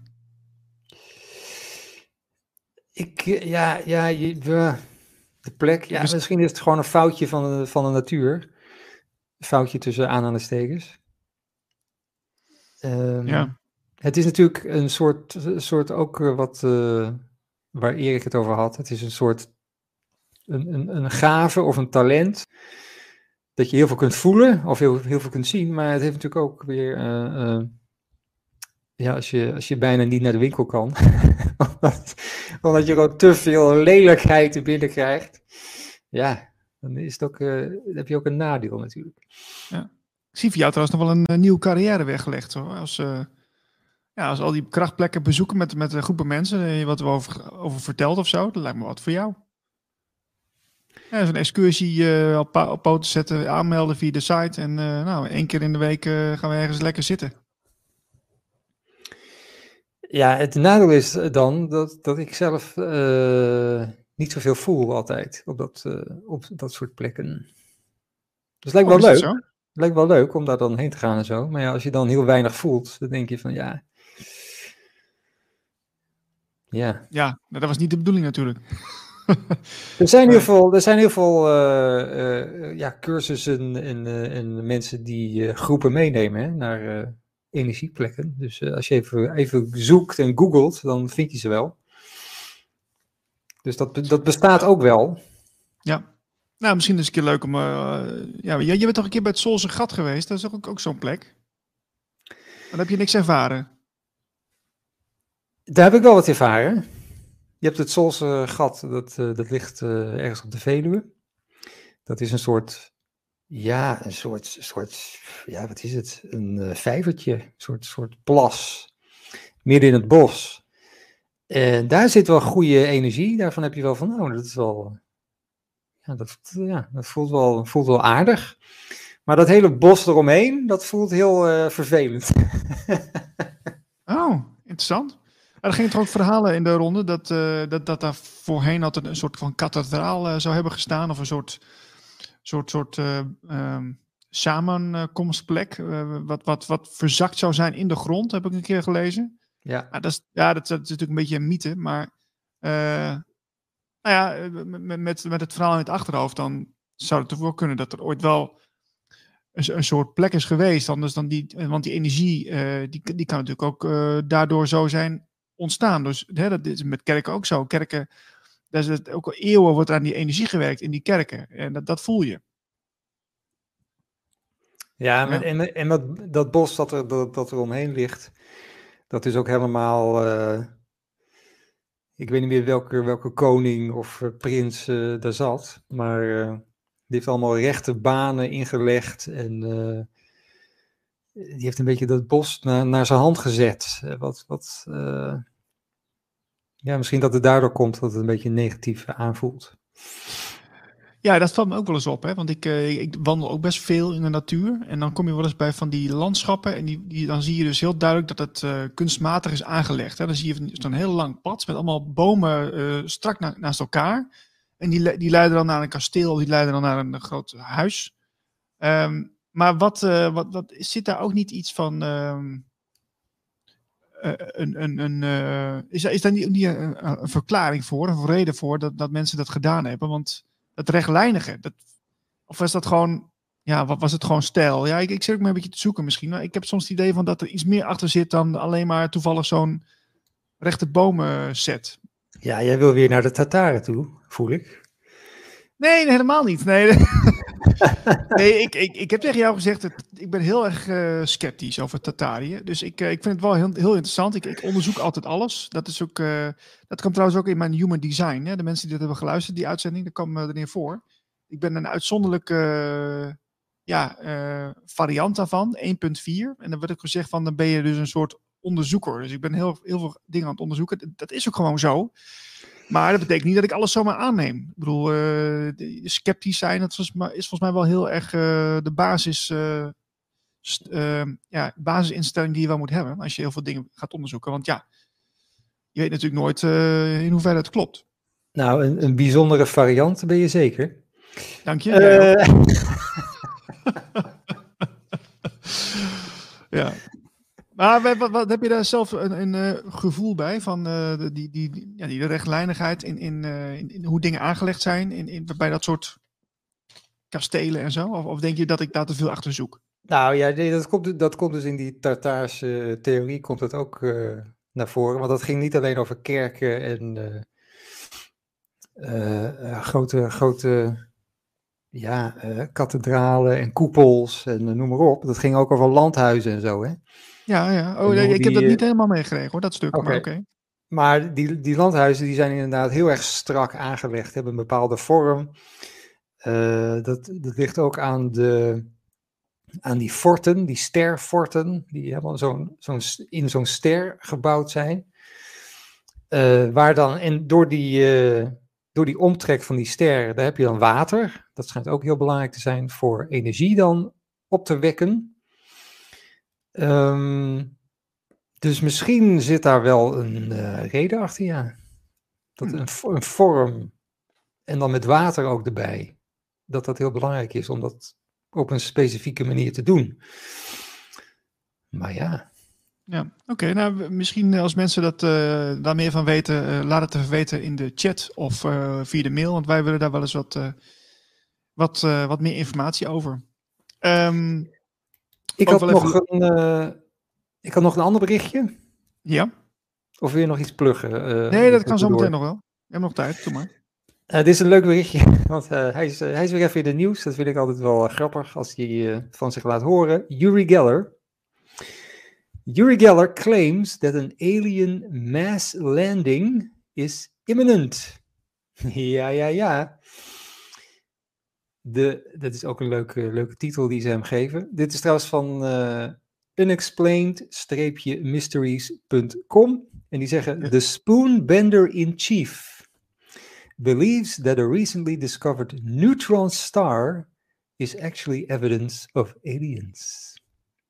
Scientists, scientists uh, this week had revealed the discovery of a mysterious object situated 4,000 light years out in space that was producing a set of anomalous signals which stopped after just three months. Dus er kwamen allemaal signalen deze kant op uh, van uh, een object, 4000 lichtjaren hier vandaan. En dat stopte opeens na uh, drie maanden. en ze zeggen dat is een neutron, dat object is een neutron star. They eventually concluded that it was a new class of neutron star known as an ultra long period magnetar. However, Israeli spoonbender Yuri Geller isn't convinced by this explanation. Uh, Geller maintains that the signals that were detected were in fact alien chatter, indicative of an imminent invasion. En hij schreef: A team mapping radio waves in the universe has discovered something unusual that releases a giant burst of energy three times an hour, and it's unlike anything astronomers have seen before. No doubt in my mind that this is connected to alien intelligence way, way superior than ours. Start deciphering their messages. They are preparing us for a mass landing soon. Aldus, uh, aldus uh, Yuri Geller. Ja, nou ja, wie weet. Dus, er wordt zoveel over gespeculeerd natuurlijk. Dus uh, dat, zal wel een keer gebeuren. Nou, dat misschien wel dus. met, met, eh, met Project Bluebeam zou nog kunnen, hè? Dat ze het pro- projecteren gewoon in de lucht. Dat mensen dan denken, oh kijk, er zijn eh, buitenaardse mannetjes. En eh, die zien er dan ook wel heel erg eh, overtuigend uit. En dan, eh, ja, dan worden mensen weer in een soort eh, angsthypnose gebracht. Ja, Of, dat is het eh, ene, ene verhaal, hè? Ja, dat is een, een verhaal. Het kan natuurlijk ook dan weer de, de terugkeer van eh, Jezus zijn. Die geprojecteerd wordt. Dan, eh, dan kunnen mensen ook ja, weer lekker ja, hun tijd maar- mee verdoen. Ja. Ja. maar ook hier heb je weer twee groepen. De ene zegt van ja, dat gaan, ze, dat, dat gaan de overheden en de geheime diensten gaan dat allemaal in scène zetten. Dat is dat Project Bluebeam. Maar, en dan kan je ook nog zeggen, ja, Yuri, Yuri Geller zit in het complot. Die doet gewoon lekker mee met, met dit, ja, wie weet. Eh, of, het is, of, het, of het gebeurt echt. Maar ik denk dan altijd, dat kan niet in 3D. Als je, ze als je de aliens wil zien, moet je hoger in je bewustzijn zitten. Anders dan zie je niks. Ja, nee, dat denk ik ook wel. Dat denk ik ook wel. Maar goed, de, de energie op aarde verandert ook wel eh, natuurlijk. Hè? Dus misschien dat het over een aantal jaren wel weer meer aannemelijker is dat het, eh, dat het wel kan. Maar ja, nou ja, goed, we houden, het, we houden het bij. Bij Radio Gletscher nemen we dit soort onderwerpen wel serieus. Ehm, af en toe wel met een knipoog natuurlijk, maar het, eh, ja, het bestaan van buitenaards leven en zo, eh, nou, dat, eh, dat neem ik tenminste wel serieus. En ik, zie ook steeds meer mensen die daar ook geïnteresseerd zijn. Dus dat, dat is een mooie, mooie ontwikkeling. Ehm, ja, want we zijn ook nog op zoek naar programmamakers hè, voor ons radiostation. Voel je geroepen als programmamaker of heb je ideeën of ken je mensen die, die dat kunnen? Ehm, ja, geef ons even een seintje of, eh, of, of breng ons in contact via info.radioglacier.nl Dat was even mijn dingetje. Eh, de nieuwsbrief, hadden we die al getipt trouwens, de nieuwsbrief? Ja, die heb je al een paar keer getipt. Kijk, nou, bij deze voor de zoveelste keer. Ik zie trouwens eh, iemand die zegt, oh dat is weer Buddy Daler, die zegt, oh, wat staat daar? Ja, als de, als de eerste, ik denk dat hij eh, atoom eh, Oh, spelt hiermee. Als de eerste atoombom valt, zullen ET's zich ermee bemoeien. Dus dan kan eh Yuri wel eens gelijk hebben. Ehm, Ja. Ja, dat is natuurlijk. er zijn ook tal van verhalen dat de aliens hebben ingegrepen, zo ongeveer. ja, wat is het? 50, 60 jaar geleden. Dat de sleutels in Amerika eh, er al in zaten. Dus je hebt zo'n. eh, je hebt de codes voor de, de nucleaire codes.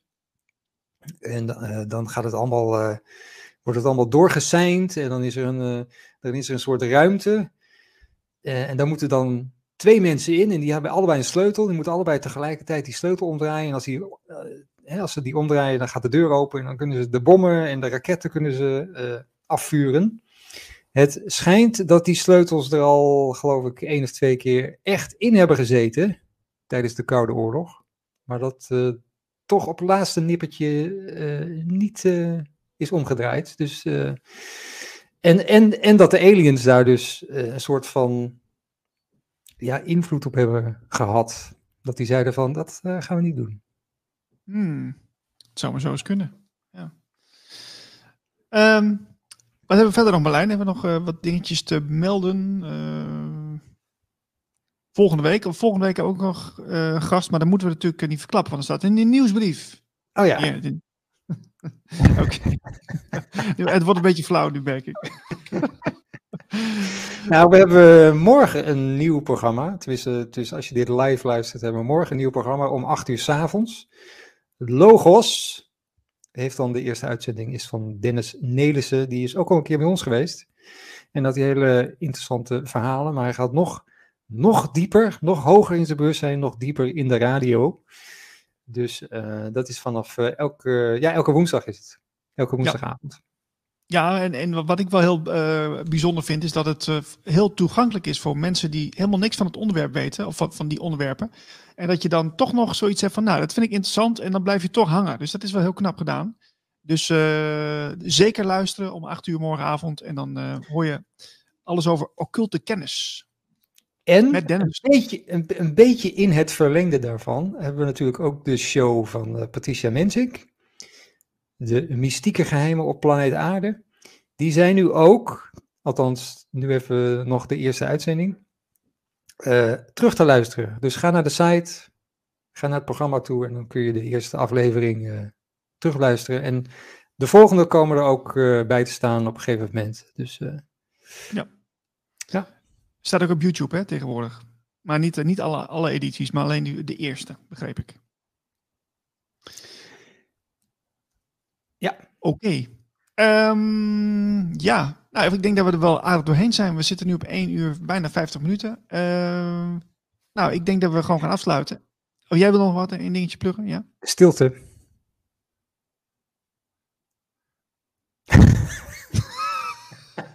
Wat is dit nou?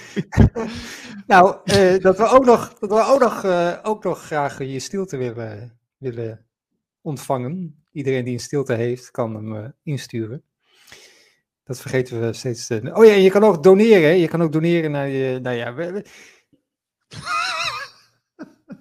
ja doneren. We, we, hebben een hele mooie doneerknop. En, uh, knop, en als je denkt van nou, ik, uh, ik heb toch wel een, uh, een lijntje met Marlijn. En ik vind hem een leuke gozer. Geef me af en toe wat, een leuk steuntje ja. in de rug. Dat kan. Hè? Ja, als, we, als het toch gaat pluggen zijn. Kijk, ik, kijk, Niels heeft een nieuwe tijd podcast. Dan krijgen we dus Erik krijgen we daar opnieuw in. Ja. De, uh, over een paar dagen. Ik heb de interdimensionale talkshow. Hebben vandaag komt een nieuwe aflevering online. En dan heb ik het over moraliteit.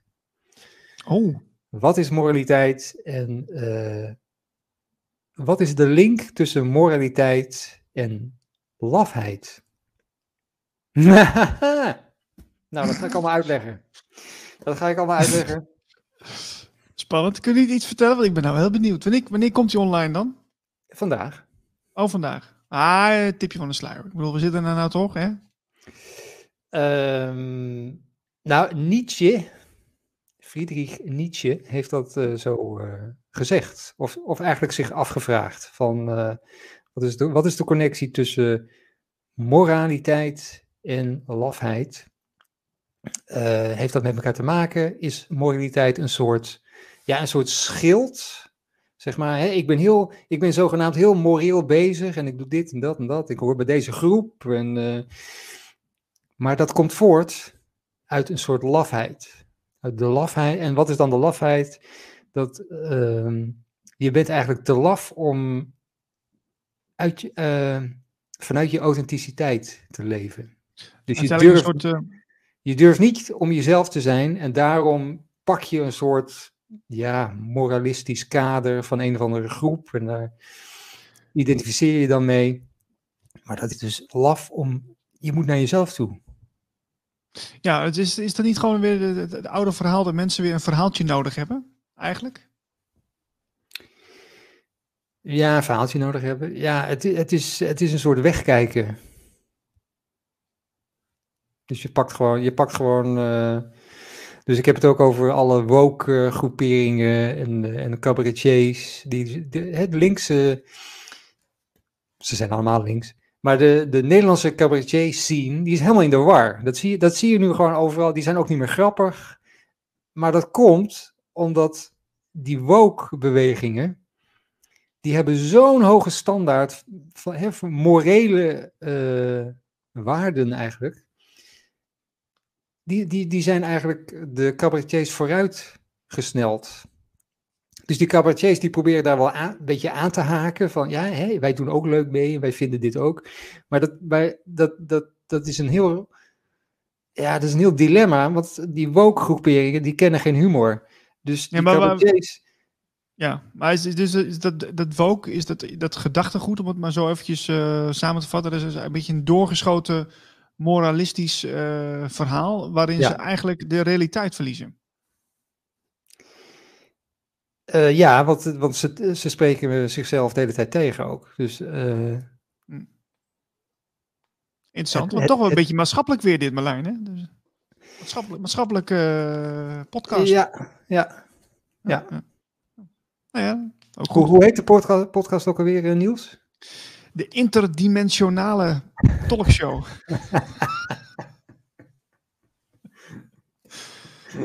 ja, dat, ja, dat vind je wel leuk, hè? Het mag ook, mag ook interdimensionele zijn, hoor. Ik weet, niemand hoort het verschil, denk ik. Maar...